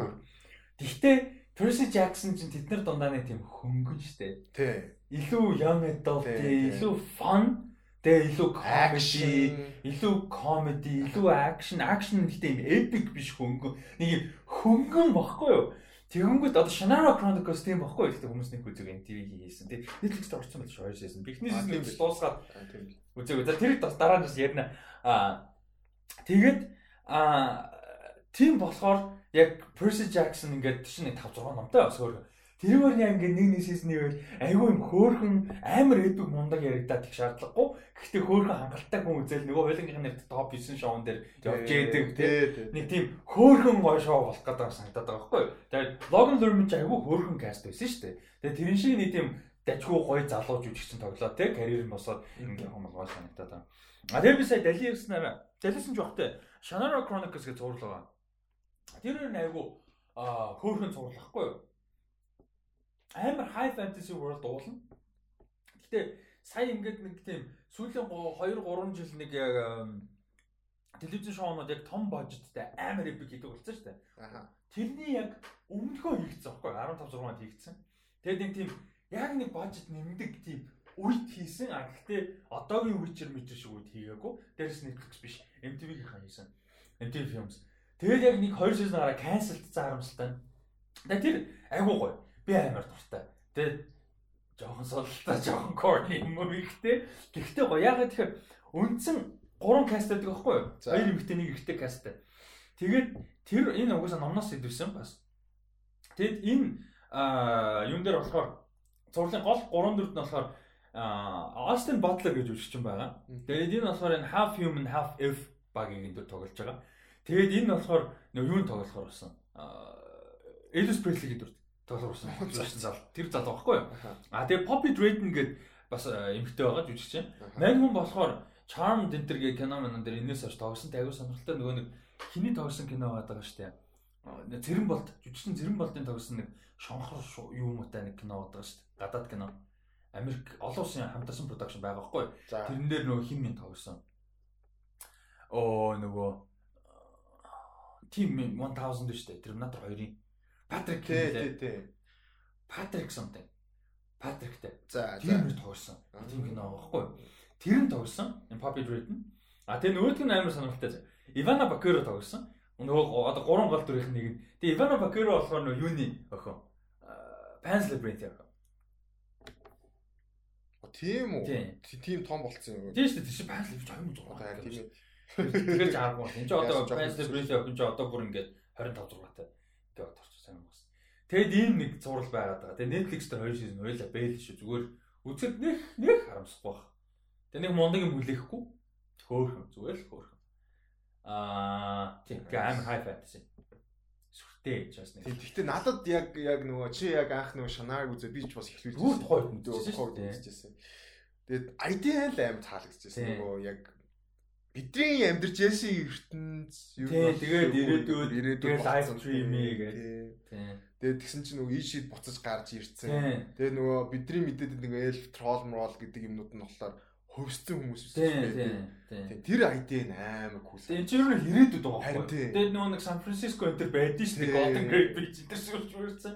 Тэгээд тэр нь бүр амар кул ID. Жохон corny Яа яалч үгүй. Тэрийг нэг тийм ингээд за энэ шоу угаасаа тийм гээд тэр нь одоо өөрт чинь асуудал болохгүй үзээд зурчих юм бол гоё явчих. Яг нэг гоё явчих.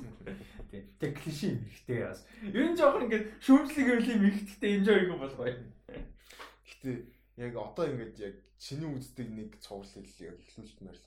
Юу нөгөө юу Amazon руу ордог нөгөө sci-fi epic чинь юу лээ нэр. The Expanse. The Expanse үнэхээр гоё. Би чам яа таалагдана гэж бодоод байгаа Expanse. Яг genuinely well made гэхгүй. Одоо ингээд за Shannara Chronicles энэ төр дээр чи ингээд янз бүр Expanse бүр амар well made. Тэгээд ингээд нэг тийм flash юусоо биш. Гэхдээ тэр хүмүүс гол юм таалагдахгүй шалтгаан бас байж магадгүй. Flash биш байна. Яг тэгэхээр boring санагддаг ч юм уу тийм байж магадгүй. Тэгтээ үнэхээр амар Тэгээд ерөөсөө үзэгчтэй маш хүндэлдэг шоу. Юмыг ингэж юм нөгөө дэлгэцүү wink гэж тайлбарлалдэн штэ. Аха. Тийм биш. Ерөөсөө. Тийм тэрийг л үзчихмээр санагдаад байна.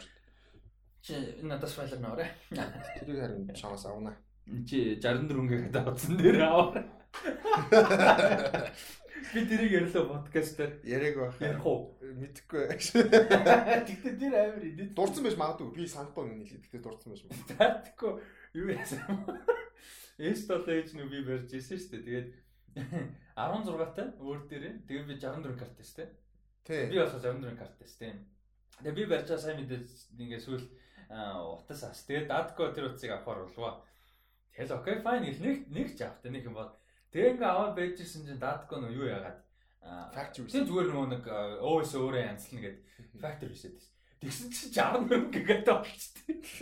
Тэгээд actual дотор нь байгаа hard нь одоо hard ч юм уу card нь 64 байсан бохоо. 64 байсан. Өөр одоо нөгөө нэг SD card биш өөр дээрээ 64 байсан бохоо. Үнэн тийм нэг ёо би бүр чи болохоор 16-гаар хэрэглээ. Би бүр би бүр жил хагас 2 жил баг байсан шүү дээ. 16-гаар хэрэглээд өдөр болгон нэрвддэг байсан те. Ингээд нөгөө дүүрчдэг амар ядаргаатай. Йоо тэгсэн чи 64 байсан байдаг нэс ёо. Тэгээ босоо. Тэгээ миний өмнөх 64-тэй картыг авс. Тэгээд одоо ингээ амар 128 гэх тавцтай. Одоо л үүрс мүргэчгүй тэгээ. Тийм үүр дүүрх. Яалаа гэж дүүрх юм. Гоё байгаа шүү. Амар гоё. Тэгтээ би бүр уур байдаг юм. Гэни тийм амар genuine уур биш зүгээр амар тэнэг санагдаад. Тэрэн дээр тэгээ expense аваарэ. Аа тэгтээ expense утсан дээр үзээд л тийм. Тийм л баг. Expense зурлаг бол гоё том л. Би нэг утсан дээр бол яг нэг юм бол гоё. Зүгээр ингийн драма комединууд бол яг файн юм л байна. Тийм нөгөө comedy тийм нөгөө rom-com гэсэн л чинь sitcom-ууд амар зүгээр. Ер нь нэг тийм амар мундаг visual production-тай биш юм уу. Нь Jessica Jones бол файн байхгүй. Ягаад тэгэхээр амар том шоу мөртлөө нөгөө юу биш шүү дээ. Им epic тэ сүртэй юм ерөөсөй байхгүй шүү дээ. Action action бараг байхгүй шүү. Тийм болохоор. Тийм хуучин тэгээд утсан дээр үзнэ гэдэг idea чи амар тэнэг байсан. Гэхдээ тэр чинь ийм том дэлгэц байгаа Тийм, тэгвэл тэр үед ийм байгаагүй. А тий яг би бол ultimately кино кино бол том дэлгэцээр үзэх байнга илүү зүйл. А гэхдээ зүгээр а одоо би яаж өөрчлөж чинь чинь I can see why гэж байгаа. Зарим нэг юм шүү. Зарим нэг бол хизээч би expansion бол хизээч утсан дээр үзэхгүй зүгээр утсан дээр хуулж авах гэж байгаа байхгүй. Аха. Одоо явж байгаа учраас. Тэрнээс биш ер нь бол болж өгвөл production value юутай ямиг бол том дэлгэцээр л үзэх хэрэгтэй. А гэтээ тэр үед бол утасны дэлгэц мэл шал өөр байсан л да. 2К дэлгэц мэлгэц нэтэр яаж ах томорцсон тийм том мом дууралт мууралт амар юм бэлээ. Одоо бараг миний компьютер чинь миний компьютер дэлгэц чинь амар муухгүй юу юм бол те. 1080 дээр л юм л үзээ. Одоо ингээд утас муцсан дээр 4К үзээд байгаа. Өлөө яваад байгаа байхгүй яасан юм болцсон байл те. Тэнгүүт амар инээдтэй. За дараагийн мэдээ айгу гоё мэдээ хүргэе. Аа Тийм, гоё мэдээ хүргэе.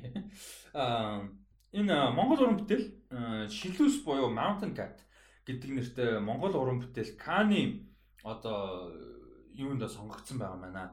Каны олон улсын богино хэмжээний киноны төрөл, уралдаан төрөлд одоо хэсэгт бол шалгасан байгаа маа. Энэ Каны кино наадам шалгасан анхны Монгол кино болж ерөөсөө аль ч төрөлд Каны компетишн төрөлд шалгасан анхны Монгол уран бүтээл хэд болж байгаа. Хиддэх хэд хэд хүртэл явсан харин бүр selectionд орсон. Selectionд орсон. Тийм, тийм, official selectionд орсон. Навч авсан гэсэн үг. Навч авсан гэсэн үг. Тийм. А тэгвэл cool. Зулаа чи хэдэн онд юм бэ? 2800 9 10 он тоглосон нэг зүүдгээд нэг юу гэдэг байхгүй юу? Богино хэмжээний кан уус явж ирсэн. Гэтэ тэр чинь нөгөө сүүлийн 25-д нь орлоо да. Тэгээ нөгөө selection болох хэвээр. Тэр selection-аас гараагүй байхгүй. Тэгэхээр яг тэр selection-аас гарсан л юм байна л да. Тийм болохоор бүр яг final хийсэн орсон гэсэн үг. Энэ бол айгүй гоё том амжилт байна. Тэгээд канонуудын мэдээлэл юмнуудыг дагаад аваад яваарай. Тэгээ бүгдээрэнд нь баярлалаа гэсэн айгүй гоё пост орсон байсан. Тэгээ контекст нэмээд өгье энэн дээр. Тэгээ албан ёсны фестивалийн одоо Cannes кино фестивалийн албан ёсны short film competition сайтын сайтын тэр хэсэг дээрээс ингээ харах юм бол энэ жилийн Cannes кино фестивалийн богино хэмжээний кино төрөлд 137 орноос 3813 уран бүтээл ирсэн гэж байгаа. Тэгээ бодоод үзтээ. Тэгээ тэнцэнэ сонгогдсон. Тэгэхээр бүр үнэхээр гоё байгаа зү тэ бахархмаар энэ бол үнэхээр бахархмаар юм гоё. А тэгээд сонголт нь 11 гэн. 12 орноос 11 уран бүтээл сонгогдсон ба. Тэг 3810 уран бүтээлээс 11 сонгогдсон гэж бодлоо. Тэгэхээр бол үнэхээр гоё байгаа. А тэгээд шагналаар шагналыг бол бас гардуулдаг. Short film одоо фильмд зориулсан бас Palmador гэж байдаг. А тэгээд тэр нь бас яванда зарлагдах баха. Ер нь бол За тэгээд өсөж байгаа уран бүтээлүүд нь бол энэ ч Египт уран бүтээл, Франц, Грек, Англи, Колумб, дахиад Франц, Португал, за Канада, Бельги, Америк гэсэн орнуудын уран бүтээлүүд байна. За тэр дунд нь бол лавг дулам пүрүү өчр. За энэ нэг Монгол нэрийг ингээд нь латинчулчаар пүрүү өчр нэр нь бол лавг дулам нэр нь болоо ингээд мэддэггүй юм яриад байгаа. Пүрүү өчрийн лавг дулам гэдэг үйл юм шиг байна да. Би одоо мэдэхгүй болохоор тийм юм байна. Сайхан мэдээ шүү. Энэ бол уул нь айгүй том мэдээ. Тэгээд хангалттай яригдчих юм үгүй юу гэдэг бас жоох хэрэгэлцээтэй. За. Аа дараа нь болохоор энэ жижигхэн мэдээ энэ дэр нэг тийм амар хэрэгдэхгүй байх гэж чинь Twister гэх кино байдаг. 1996 онд гарсан. Тухайн үед маш том хит болж исэн. Тэгээд дэлхийд даяараа 497 сая 494 сая доллар болж исэн. 96 онд ч тийм. 96 онд 494 гэдэг чинь одоо юу юм бэ? Тэр бом мом хийж байгааг амталтаа бүр ингэ тэр бом байтгай хийж байгаа гэсэн үг байхгүй юу? Зөвхөн инфлюенсээс гадна шин. Би тэгс чи үдчихсэн санд шүү. Тийм би би үзэж байгаа л тий. Сонсч байсан айгүй их сонсч байсан obviously гэхдээ. Тэгэд энэ бол тухайн үед хамгийн том тий 90-ад оны хамгийн том хит гин ном нэг. Тэгэд ийм маш том шуурга энэ твистер энэ чинь шуурга гэдэг юм үү тий. Аа hurricane tornado торнадо юу гэдэг вэ? Шуурга шуурга бас биш ээ. Мэдхгүй циклон. Монголоор юу гэдэг юм? Мэдхгүй. За салхи шуурга салхи Тийм. Тим кино. А тэгээд гол хоёр дөрөв нь бол яг юм судлаач хүмүүс те. Тэгээд тэрнтэй холбоотой амар юм хурдан темптэй акшн кино. За энэ киног бол ремейк хийхэд болж байгаа маань. Одоогийн байдлаар зүгээр Universal Studios дээр байгаа. А тэгээд Joseph Kosinski найруулга болж байгаа маань. Энэ бас айгуу сонирхолтой. Joseph Kosinski бол яг одоо бол Top Gun Maverick кинон дээр ажиллаж байгаа. Ерөнхийдөө зураг авалт юмнууд нь production ч гэсэн post production гэсэн ерөнхийдөө дууссан. 100 нэлтэй их хэвээр байсан. Аа тэгээд өмнө нь бол Tron Legacy, Oblivion, за тэгээд Top Gun гэсэн юм ийм гоё вижюалтай кинонууд дээр бол айгу ажиллаж исэн. А тэгээд тухайн үед би бол мэдгүй мэн яг нийтлэлээс уншиж чинь тухайн үед Twister кино sound effect, sound designer-а маш их өндөр үнэлгээ авч ирсэн гинэ. Айгу innovative байсан гэж. Тухайн үед маш шинэлэг те ийм одоо бол байж одоо салбарыг хөгжүүлж чадсан мундаг бол байсан. Тэгээд үзэгчд кино театрт үзэж байхдаа тэр торнодыг баг худалч нь мэдрэх нь холгүй юм амар шинэлэг юм мундаг экспириенс нэг хэсэг байсан гинэ. Кино нь өөрөө. Тэгээд өөр ингэсэн агуу тийм сонирхолтой зурагтай ийм кино учраас Жозеф Козински бол аа стаарсан сонголтоо гэж яригдаж байгаа юм байна. Одоогийн байдлаар бол зохиол мөхөл бол яригдаагүй зүгээр дөнгөж найруулагч тодорхой болж байгаа юм байна. Одоо үед одоо ийм шуурга муургатай акшн кинохээр яа гэвэл тэ Жозеф Козински гэхэр зүгээр нэг ийм одоо нөгөө өмнөх нь ч гэсэн зүгээр нэг тийм хөнгөн хөгийн хөгийн биш хөнгөн акшн кино байгаагүй хөгийн ч байгаагүй юм шиг байна. Тэгээд тэгээд Joseph Kosinski ч бас хөгийн бихгүй бах те. А тэгээд ийм хөнгөн биш байх бах те. Илүү specifically гоё зураглалтай нэг тийм гоё байх уу гэж бодож ил та. Joseph Kosinski бодохоор. Гэхдээ шуургатай кино яаж тэгж хийв үү юм санаа. Тэг би Twister-ыг яг үзснээр зүг санаж байгаа scientist-ууд гардаг. Тийм хоёр scientist scientist гардаг. Тэгээд тэрийг нөгөө яг судалдаг. Тэгээд тэнцэнэ нэг дараа болох юмыг нөгөө илүү predict хийх гээд яах гэдэг ч гэлөө.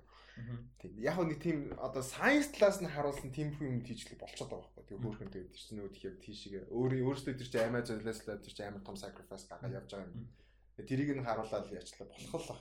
Гэтэ ийм natural disaster кинонд нэг хэсэг бүр амар байсан те. Тийм шүү дээ. Битүү гардаг байсан. Тэгээ сүүлээ жоо. Дэмэрэг ах ер нь ихэнх нь хийсэн шүү дээ. Үнэнтэй. Тэгээ одоо ах угсаа хийжсэн нөмөн фол яг нь Halle Berry-тэй сар сүрдэг Я сайхан ярьсан шүү дээ. Аа тий тий тий. Тий, Жош Гайдман тий. Ер нь хийж байгаа шүү дээ. А тэгээд нэр аа за нэрэ гэж бол нүрэх хэвээр мэдээлэл биш л баг. Гэтэ сая сүүлд бас хоёр мундаг уран бүтээлч нас орсон байгаа. Тэр үс дурдсан дурдах хэрэгтэй баг нөгөө Sir Ian Holm тий нөгөө хүмүүс бол Bilbo Baggins тоглосноор аягүй сайн мэддэг баг. Lord of the Rings Hobbit хоёулын дээр нь тэгээд Alien дээр бас тоглолдог. Нөгөө Alien дээр амар iconic дүр дээ. Нөгөө Android-ийн дүр тоглолт шүү дээ нэр нь хэм бэлээ Ash тийм Ash Ash гэдэг юунд Android-ийн дүр тоглодог. Тэгээд мундаг жүжигч 88 наснда нас орсон байсан. Тэгээд дээрэс нь Joel Schumacher ба айгүй weird найруулагч. Batman Forever, Batman and Robin хоёрыг хийсэн тэр үгээр нь сайн мэддэг баг. Тэгээд тэр найруулагч бол ямар ч байсан аа сүүлд бас нас орсон бэлээ 80 наснда. Тэгээд хиний Dan Morley өнгөрсөн 7 хоногийн шоуг үзэх юм бол мань хүн хиний Joel Schumacher-ийн бас талаар айгүй гоё мэдээлэл өгч ярилцсан байл ярьсан байлээ тэгээд бас үзээрэй гэж хэлмээр байна. Би би ингээ хурдан ярьдаг гэдэг миний тарихтай амар гацт юм шиг л шүү дээ. Яг яг ингээд яхаар амар сонио дунд нь ингээд аа гэд ингээд амар тэгдэг. Тэгээд зүгээр яг нэг ярьж чараа ингээд ингээд зогсохгүй заяа. Тэр ингээд ингээд кат хийх боломжгүй болтлоо. Видео үзэж байгаад ингээд кат хийх гэхээр ингээд катлах боломжгүй ингээд ийм урт хурдан ярин зав. Тэгэд нэг гацгаараа дунд нь За дараагийн мэдээ энэ надад би яг энэ дээр ямар ангилтай яаж ярих хэрэгтэйг сайн мэдэхгүй л. За би ийм саунданд амар дургүй шүү sorry. А. 70 сая долларын бажеттай science fiction шинжлэх ухааны зөгнөлт аим кино хийгдэж байгаа юм байна. Амар шал амар генерик мэдээлэлтэй. Яг юу тодорхойгүй. А тэгээ сонирхолтой юм юу гэхээр AI робот гол дүрд нөгөө сайн байна. Ямар сонин цаг хугацаанд амьдарч байна тэгээ. Тийм. Тэгээд энэ AI робот хэдийн байдаг робот юм байна. Эрика гэдэг. Тэгээд жүжиглэхийг зааж байгаа гинэ. AI энэ AI тийм. Okay. Specifically бүр одоо emotion, motion а physical body language language нүдний хөдөлгөөн мэдрэмж emotion ингээ бүх юмыг коуч хийж байгаа гинэ. Character development body language-ийг зааж байгаа гэж энэ AI. Тэгээд ийм AI гол дүрдэн тоглоно юм яа. Тэгээд зохиолын хувьд болохоор нэг ийм scientist AI бүтээгээд тэгээд тэрийг зүхтаалгаж байгаа тухай гинэ. За одоо том корпорац юмнаас зүхтаалгаж байгаа юм байна. Нүүд нь ухаан орчгол юм байна л да. За Тийм. Ер нь бол доктор Форд хэнийг цухталгаж байгаатай л ухааруулж байгаатай л ялгаагүй юм байна л да. Манай Evan Rachel Wood ч юм билээ Dolores-ийг Dolores. Гэтэ тэрэн шиг actually Dolores Evan Rachel Wood биш actual Dolores. Гэтэ нэр үнэхээр ингээд жоохон баха sci-fi гэдэг кино ийм их юм төсөөлөд те мөрөөдөд хийдэг гэсэн бол одоо ч игнээсээ AI тоглох гэдэг нас. That's that's interesting. Fuck. Yep. Тэгээд Бэлэг Америк хоёрын Америк одоо хоёр улсын юм продакшнууд хамтарч ажиллаж байгаа юм байна. Хөрөнгө оруулалтын ус хамтарч хийж байгаа юм. Тэгээд би гэдэг нэртэй кино юм. Зөвөр жижиг би үсгэр бичнэ. Тэгэл бол киноны нэр нь зөвөр би. Им юм байна. За окей. Interesting. Yep. Тэгээд сонирхолтой юм энэ Эрика гэдэг AI-г өмнө нь Tony K-ийн шинэ кинонд ашиглаж ирсэн гэж байна. American History X киноны найруулагч. Аа тэгээд хуваар нь зөрөөд бол болцсон юм байна. Одоо тэгээд бол найруулагч ч юм уу өөр ямар жүжигчд байх нь бол тодорхойгүй. А продюсерууд нь бол ям зарим нэг синүүдээ Японд зураг авалтыг авч амжсан гэж байна. 19 онд. А тэгээд үндсэн үндсэн зураг авалт нь бол 21 оны 6 сард Европод зураг авалт нэгтгэнэ нэ. За нэг ийм цаг үйл амьдарч байна да.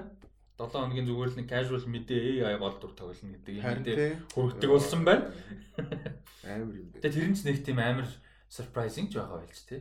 Харин. Гэхдээ үнэхээр сонирхолтой цаг үед амьдарч байна. Sure. Энэ байгаа юм биш нөө нэг энэ мэдээлэл. Аха аха. Нэг тийм. Sure. I don't. Okay. Weird. Interesting. Weird times, bro. Yeah, weird times. За. Аа, тий. За дараагийн мэдээлэл ойр MCU-гийн мэдээлэл байгаагүй мэн. Бас нэг хэсэг хүмүүс хүмүүс яадаг үст ядаргаатай те. Дандаа Marvel ярьлаа гэдэг. Нэг ястай MCU-гийн мэдээлэл баг байсангүй. Тэгээд энэ 7 хоног шинэ MCU-гийн мэдээ байна. Тэгээд энэ аа гоё мэдээ. Doctor Strange in the Multiverse of Madness кинон дээр Чүтэл Ижифор Мордо дүрээрээ эргэж ирэх нэ. Тэрийг сая конфирм хийсэн байна. Энэ бас айгүй гоё мэдээ. А тэгээ мэдээж хин Бенедикт Вон болол Вон дүрээрээ эргэж ирэх нь тодорхой. Тэгээд Бенедикт Cumberbatch байгаа. За тэгээд Elizabeth Olsen нэмэгдэж байгаа. Тэгээ харамсалтай нь Rachel McAdams эргэж ирэхгүй юм байна. Доктор Кристин Палмер дүрээрээ бол эргэж ирэхгүй юм байна. Тэгээ жоохон харамсалтай. Тэгээ би нэг айгүй хайртай жишээ шүү дээ. Нэг тэгээд хөөхөн дүр байсан. Айгүй гоё хөөхөн тийм гоё дүр байсан. Тэгээд тэр зочиж мөчдөг нэмэр идэттэй бүр. Тэгээ хөөхөн дүр байсан. Тэгээ жоохон харамсалтай байна. Аа тэгээд ер нь бол одоохондоо Doctor Strange in the Multiverse of Madness киноны эсрэг дүр юу байх вэ гэдэг одоо хүртэл тодорхойгүй байгаа. Тэгээд Мордо бол за комикор нь хүмүүс мэд зарим нь мэдэх бах. Барон Мордо гэж дүр байдаг. Аа хиний Ancient One-ы One-ы доор одоо хинтээ Doctor Strange-тай хамт за яг зарим тохиолдолд нь илүү өмнө нь суралцж байсан юм мундаг шавь бүр юм ирээдүйн Supreme Sorcerer Supreme болно гэж одоо сурж ирсэн те юу л баггүй юу да.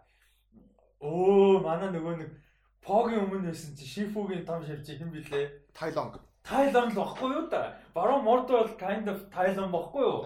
Ancient One чинь хин шифүү шиг баггүй юу? Тэгээ Поч манай доктор Стрэндж баггүй юу? Ер нь бол ингээд нөгөө ирээдүйн Sorcerer Supreme болно гэж бэлтгэгдсэн. Бүр маш авьяастай, маш powerful те ийм амар мундаг Sorcerer гарч ирж байсан. А гэхдээ дэндүү evilтэй, дэндүү ийм одоо violent, дэндүү ambitious, ambitтэй, дэндүү extreme те хүн алхаасаа айдаггүй, гинтэхээсээ айдаггүй те яргалахаас айдаггүй ийм амар гарч ирсэн учраас Ancient One бол Disown, Disown буюу одоо одоо хөөсөн гэх юм уу да тэгээд одоо ингэсэн байна. Тэгээд бол Doctor Strange маш хурдан одоо хөгжөөд юм амар хурдан XP аваад сайн байгальтай тэгээд гарч ирээд ер нь Sorcerer Supreme бол болсон гэдэг story байдаг. А тэгээд Baron Mordo-гийн дүр яг дээр бол Mordo гэдэг хин Juted Jifor эхлэн яг ерөөдөө адилхан гарсан. А гэхдээ Sorcerer Supreme болно гэдэг тийм том амбицтай гаруул гаргаагүй. Арай жоох өөр гаргасан. А гэхдээ маш powerful sorcerer гэдэг нь бол харуулсан. А тэгээ төгсгөлд нь бол амар инээдтэй нөгөө нэг Catwoman дээр гардаг сагс тоглолтог цагдаа тоглолтог залуугийн нурууг нурууных нь нөгөө нэг magic-ийг аваа явуулсан шүү дээ. Тэгээ буцаага cripple болгосноо ямар яагаад яач уу гэдгсэн чинь too many sorcerers. Тэгээ яваад гисэн. А тэгээд сонирхолтой юм нь Doctor Strange in the Multiverse of Madness кино Endgame, Infinity War. За Infinity War Endgame хоёр киноны дундуур яг тэр үеэр Snap-тэй, Snap болон тэр амар том battle үеэр Мордо хаана юу хийж явсан бэ гэдэг асуултыг хариулж магадгүй гэсэн хэвээр бас чивэтэл шиг фокус байгаа юм байна. Тэгээд жинхэнэ гол дүр гол дүр гэнэ эсрэг дүр уул нь Baron Mordor байвал бас сонирхолтой угаасаа тэгээд бос ирж байгаа гэдэг бол гоё мэдээлэл шүү дээ. Мордо бол тэгээд юу үстэй Wanda гарна үстэй тий. Тий цаа харин ястэй нөгөө Elizabeth Olsen байна шүү дээ Wanda. Тэгээд том яг гэтээ хичнээн Мордо эсрэг дүр байсан ч гэсэн нэг тийм маркетинг талаас нь за зохиол олон талаас нь бас нэг өөр эсрэг дүр байх л баг л та. Жүжигчин дээ бас нэг хайлайт их жүжигчний нэр орж ирж л та мэдээж бизнес л юм чинь. Би тэгтээ мана мэдгүй миний эргэн тойронд бас ингэ таньж мэддэг хүмүүс тийм. Надаас зөрөөд байгаа мó эсвэл би Кристиан Бейл Тор Рагнарот байгаа гэдэг яагаад тийм дийл шүү байгаа юм биш ойлгохгүй. Амар том дийл эмэр бүр ингээд holy shit бүр ингээд Christian Bale Thor Ragnarok villain. Бүр амар би бүр ингээд unbelievably excited байгаа байхгүй. Аха хүмүүс Christian Bale-ийг ингээд тийм амар ингэдэг юм уу? Эсвэл карьерийн Batman-аас өөрөө үзээгүй юм уу? Эсвэл Thor Love and Thunder-ыг тийм хүлээхгүй юм би бүр ингээд what? Why? Би ингээд тэр мэдээлэл гарахад зөндөө хүмүүстэй ярьж байгаа хүмүүс ингээд Christian-ийг тийм excited шүү. Тэг би бүр ингээд fucking Christian Bale-ийн карьерийг үзээчээ. Тэг бүр ингээд legend modern legend шүү дээ. Тэг бүр тэг Thor тэг fucking Ragnarok ямар байлаа. Тэгээ ламнаар Бүр ингээ гайхаад байгаа байхгүй. Би бол яг нэг тэрийг ингээ холбож чадахгүй. Ягаад чи Christian Bale гэдэг тим амар жүжигч. Тийм. Тор торлоо орж ирэн гэдэг надад зүгээр нэг тийм feasibility талаас нэг юм боохгүй. боохгүй боохгүй. Тэгээд амар сонирхолтой. What? Тэгээ вилэн шүү. Харин тэ. Ядж байгаад вилэн зэ би бүр ингээ бүр ингээ хөөрөөд байгаа байхгүй тэрийг бодлоо. Тэр бүр сонирхолтой. Тэр бүр амар том зүйлээ яарч. Гэхдээ тэр бүр ингээ нэг тийм аа Christian Bale гэдэг зүгээр дангаараа нэг том ертөнцийг ингээд MCU гэдэг ертөнцлөө оруулж ирэх гэдэг нэгсэн. Like wow. That's interesting. Сайн үрээд ерөнхийдөө яаж байгаа. Тэгээд сүүлийн хоёр мэдээллийг яагаад яа. Энэ нэг Joseph Gordon-Levitt-ийн бас нэг ярилцлага гарсан байсан Hollywood Reporter-тай тэрийг бас та хэд уншаарай сонсч хүмүүс сонирхолтой байл уншаарай гэж хэлмээр байна. Тэгээ энэ болохоор яг мань хүн 2 жил бол ажилласаа бүрэн зай авсан тий ерөөхдөө 2 ойрхон жил дараалаад хүүхдтэй болсон учраас яг өстой жинхэнэ stay at home dad хийсэн тий эхнэрийнхээ эхнэр нь юу юм бэлээ тех компани CEO юм бэлээ тэгээд мэдээж нөгөө нэлээд завгүй байдаг юм те тэгээд эхнэрийнхээ карьер ажилд бас туслангаа өөрөө бол хүүхдээ 2 жил ихтэй. Яг 2 жил ихтэй хүүхдээ харсан гэж байгаа. А тэгээ тэр хугацаанд бол бас тархиас сэргээж тэ холиудаас зай авч ингээд амьдралдаа анхаарал хандуулж бас хүүхдүүдтэй ч анхаарал хандуулж ингэж болж чадсан. Одоо бол яг ерөөдөө карьерээ одоо гэдэг нь 19 оноос ерөөдөө карьерээ бол эхлүүлсэн буцаж ингэж явж байгаа юм байлээ. А тэгээд Amazon дээр удахгүй гарч байгаа 7500 гэдэг кино байгаа юм байна. Трейлер кино.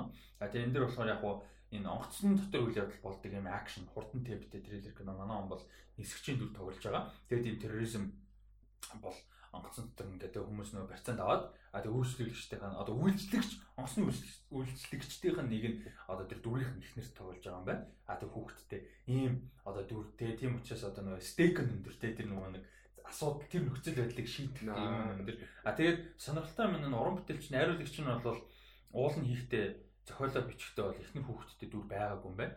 А тэгээ Жозеф Гордон Левиттэй одоо ажиллаараа ажиллаараа уулзах гэж гэртэн очихдаа ингээ хүүхдүүдтэй яаж харилцаж байгаа тий одоо ингээ 15 ихний хүүхдэн дөрсөн гэхээр ч одоо ингээ 4 5 болчихоос өөрхөн тий тэгээ ингээ тэр тэрийг нь хараад зохиол өөрчилсөн гинэ тэгээ өөрөөс нь асуусан гинэ энэ энэ өөрийн чинь natural тий ингээ аав болоод удаагүй байгаа тий шинэ аав хоёр хүүхдтэй юм шинэ аавын инфлюенс тэрийг ингээ багтаавал яад юм бэ тий ингээ хүүхдтэй эхнэр хүүхдтэй дүр болгоул яг вэ гэдэг ярилцаа зөвшөөрсөн гинэ. Тэгээ зохиолын өөрчилсөн гэж байна. А тэгээ дүрийг нь илүү жинтэй илүү бодит бас болгож өгсөн гэж л ярьж байгаа. Бас сонирхолтой юм бол харагдаж байна. Тэгээд э, анх удаага Жозеф Гордон Левит хүүхдтэй үний дүр тоглох гэж байгаа юм байна. Харин тэр сонирхолтой факт тий. Аа тэгээд бас Ryan Johnson за тэгээд Ryan Johnson-тай хамтарч ажилласан талаар Inception-ы 10 жилийн болж байгаа талаар гих мэд айгүй урт ийм ярилцлага болол гарсан байлээ. Тэгээд уншаарай гэж зөвлөе. Тийм амар гоё ярилцлага болсон байлээ. Тэгээд уншсан амар хүн сонирхолтой. Гэхдээ сая гинт нөгөө ингээд хүүхдээ ингээд хүүхдээ хүн хүн тоглоно гэдэг нэг юм инсэнс. Тэр нөгөө Ryan Gosling-ийн нөгөө юу хинтээ Russell Crowe-тэй кино үүдэн шүү дээ. Nice guys. Nice guys. Тэр дээр нөгөө охинтой байдаг. Тэр нь бүр үнэн хөөх юмс бүр. Тэр охины би бүр амар мундаг гарч ирэх болоо гэж найдаадсэн чинь хэсэг жоон тоглолцтой юун дээр тоглосон л да.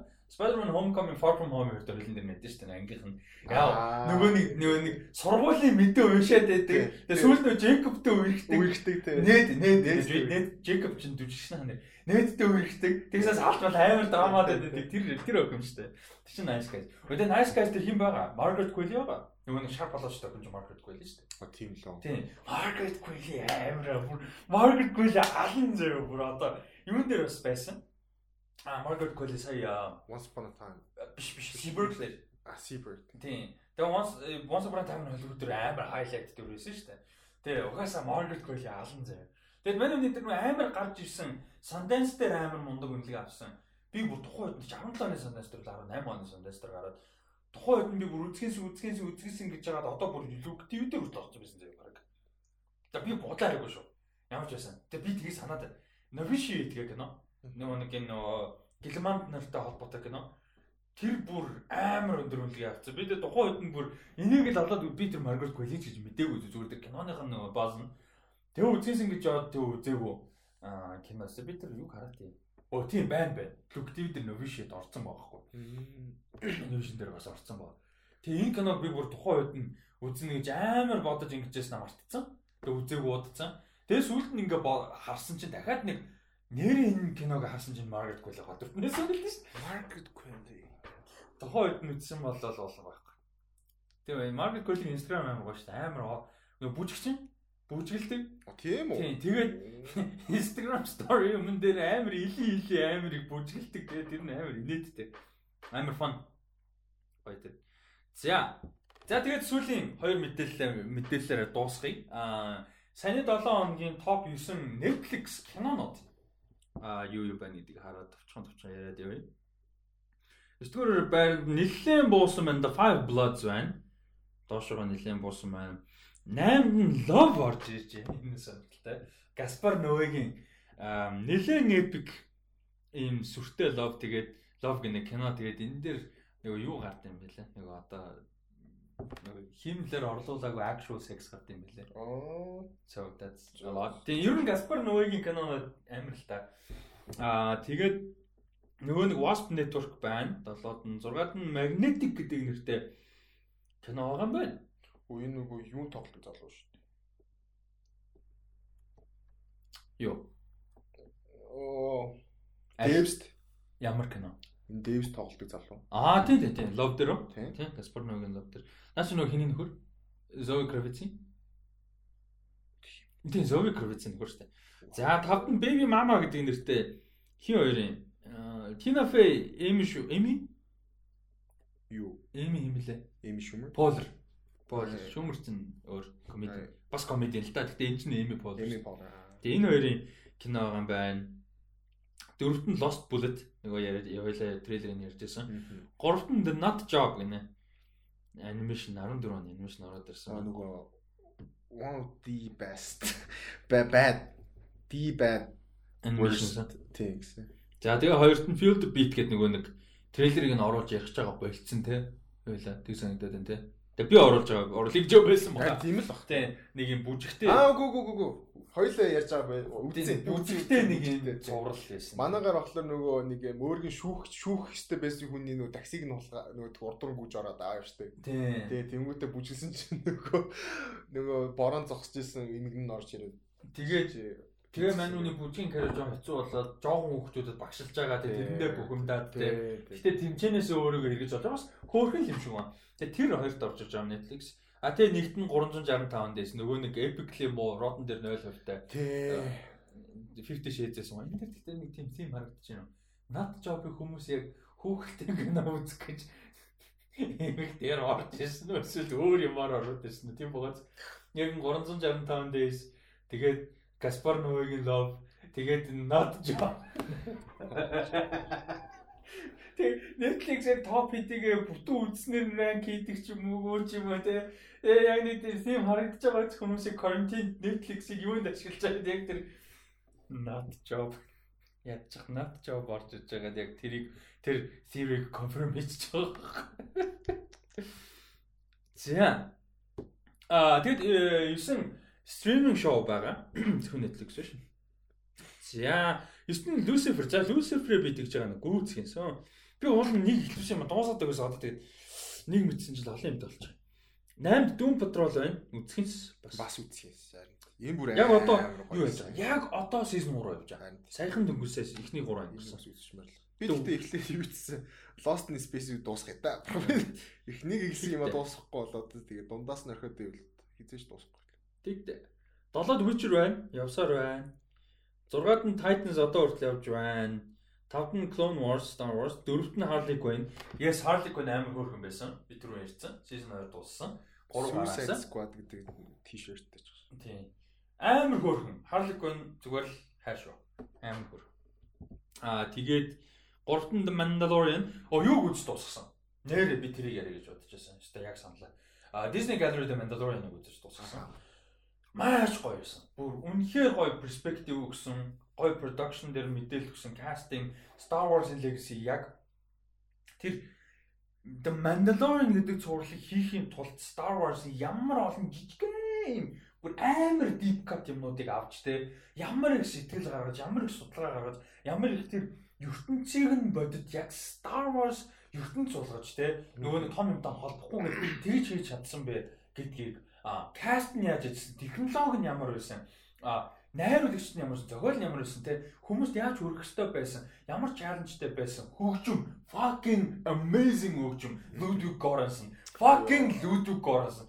Нэг эпизод ганцаараа тэр жир хөгжим. Ерөөсөө Ludwig Göransson. Тэгсэн чинь нөгөө нэг юу ядсан штэ?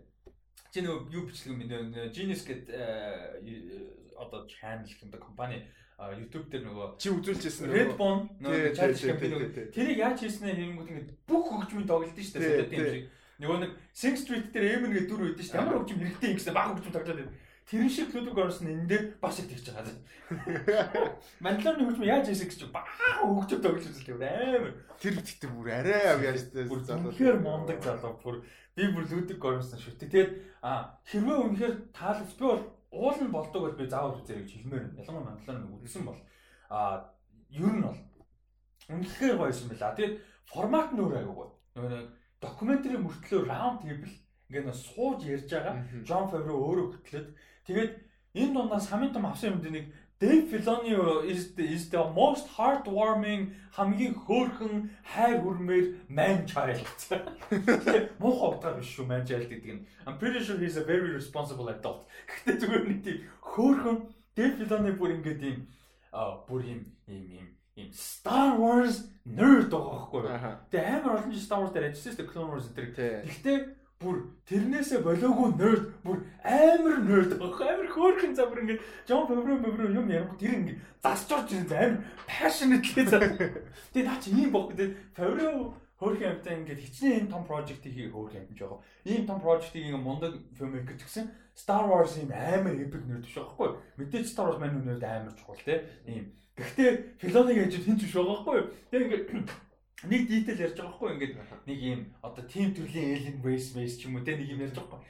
Тэг ингээд ярьж ирсэн тэрийг ингээд итгэлтэй мэдгүй Жон Фавро гэсэн за нэг тиймэрхүү гээд ингээд нэг гээд байгаа байхгүй. Нэг тиймэрхүү үеийн ингээд тэгсэн чинь тийм бил нэг өдөр чи яг ийм ийм ийм ийм гаргас гаралтай ийм багтаа. Вангар хөрхөн. Тэгээ Дэв Филоны яг гоё байсан. Аа тэгээд Дэв Филоны өөрөө яг яаж Clone Wars дээр яаж сонгогдчихсэн process нь яаж явагдсан animation backgroundтай ийм олон жил animation дээр ажилласан хүн live action шоун дээр орж иж live action найруулга найруулах ямар байсан cast ямар байсан тий. Манай Apollo Creed байгаа тий. Тэгээд Pedro Pascal за тэгээд нөгөө actual fighter байсан юм гэхтийн оо Cara Dune гэдэг дүр. Химлээ мань хүн байгаа. Тэгээд дээрэс нь Werner Herzog тий. Holy shit. Тэгээд хим манай Giancarlo Esposito. Ийм мундаг биш үү? Gina Carano. Тийм тийм Gina Carano. Тэгээ ийм каст ямар байгаа эдгээр дээр айгуу гой суурилсан. Гой юмнууд бас айгуу гарч байгаа. Одоо чинь ингэ жоох Defiloni ярьж байгаа байхгүй. Хамгийн анх удаа лайв акшн найруулсан нь ерөөсөн Mandalorian эпизод байсан.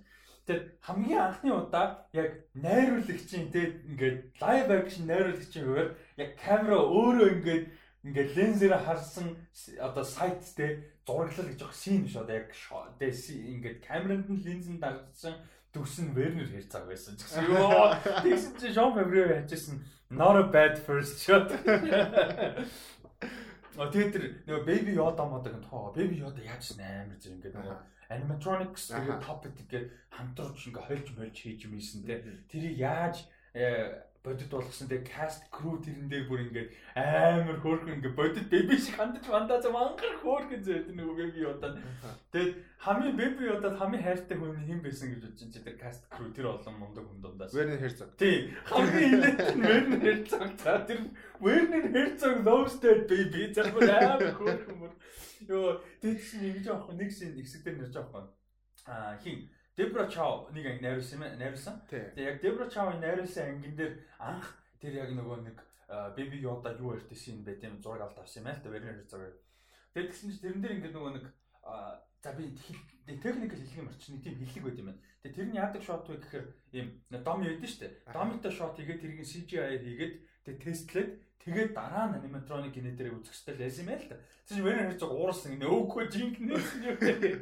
Тэгээд Тэсний амар инээдтэй Дебра Чаутын чинь найруулагч ч тийм Werner Herzog-ийг найруулж байгаа өөр одоо Петро Паскал юу гэдэг Тэрийг тэгчихсэн чи Werner Herzog тэр бэбиг тэрийг тэгээдсэн гинэ. Одоо ингэ зэ ийм юм дээр ингэж юм гэж. Нөгөө актер нөгөө туршлагатай актер залуу хүн юу гэж байгаа юм шиг зөвлөгөө өгч байгаа шиг тэр бэбиг тэрийг тэгээд бэбиг тэрийг тийч би Werner Herzog тэрийг тэгээдсэн. Амар инээдтэй. Тиймэр айгүй хөөрхөн. Тэгээд айгүй гоё мэдээлэлүүд юм ингээ авахар бүр амар их юм авахар. Тэгээ гоё л тэгээд нөө 500 First Legion гэдэг фан юм community. Тэгэхээр хамгийн юм сонирхолтой unique fan community нэг бүгд юм костюм хийдэг. Star Wars-ын янз бүрийн костюм хийдэг. Тэгээд бүгдээрээ Stormtrooper, Clone Trooper, Mooper те янз бүрийн юм костюм энэ дээр хийдэг. Тэрийг ингэж оролцуулсан энэ шоун дээр. Тэгээ яасагч амар инээдтэй зэ. Яг тэр нөгөө нэг амар epic scene гэдэг байхгүй сүүлийн ангуудын нэгэн дээр нэг спойлдохгүй. Гэтэ амар олон Stormtrooper юм. Амар epic юм. Одоо Scope-ийн хувьд эпизодынхаа шоуны хамгийн юм том epic scene. Тэрэн дээр ингээд амар олон Stormtrooper ингээд амар epic. Тэгээд тэгсэн чинь яг тэр зураг авалтыг хийх үед нь ингээд одоо Dave Filoni, Lucas, George Lucas-тэй өөртөө яриад, Lucas film-тэй яриад хитэн Stormtrooper-ийн одоо сүттэй ингээд цуглуулж чадах нь ярьсан байл. Тэр бүгд Walt-ийн копи хийж байгаа шүү. Тэгсэн чинь 20 илүүсэн гинэ. Йоо. Бэлэн юм Stormtrooper-ийн сүт бүт юм 20 илүүсэн гинэ. Тэгээд тэр син амар epic байгаад байдаг.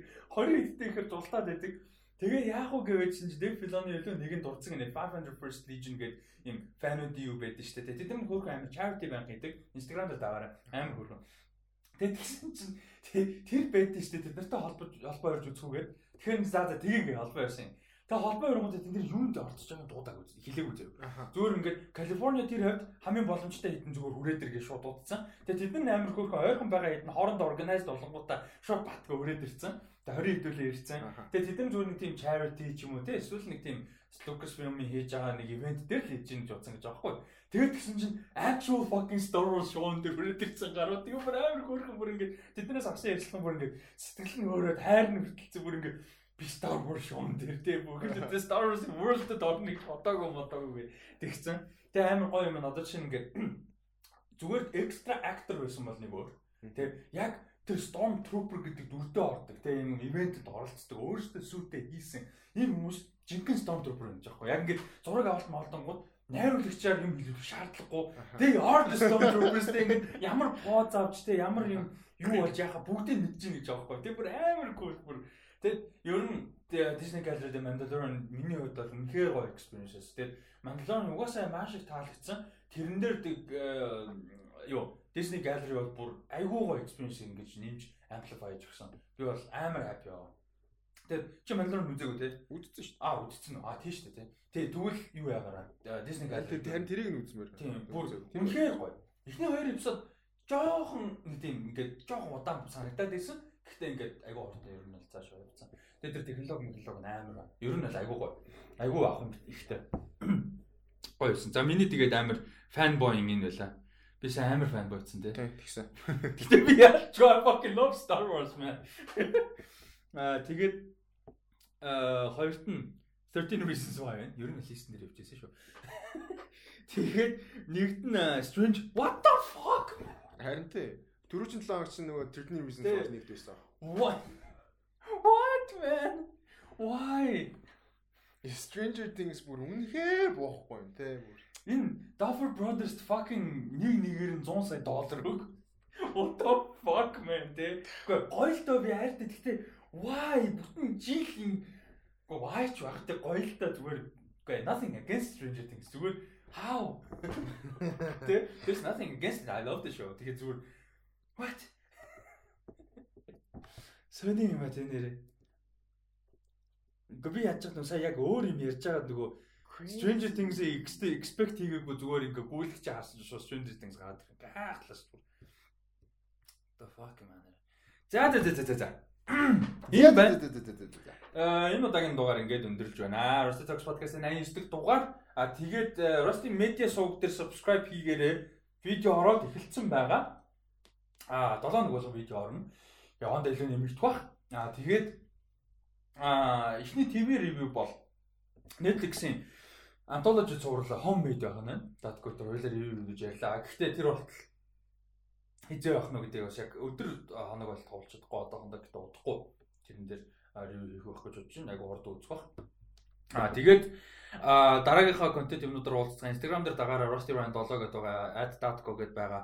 Please please please please please YouTube Rusty Media руу ороод subscribe хийгээрэй, видео үзээд таалагдвал share хийгээрэй. Лайклаарай. Лайк дараарай. Тэгээд datco please please please чи timestamp хийчээрэй. Тэгээд Тийм. Тэгээд дараагийнхаа буюу эрдэх дугаараар уулзцаа баяр та.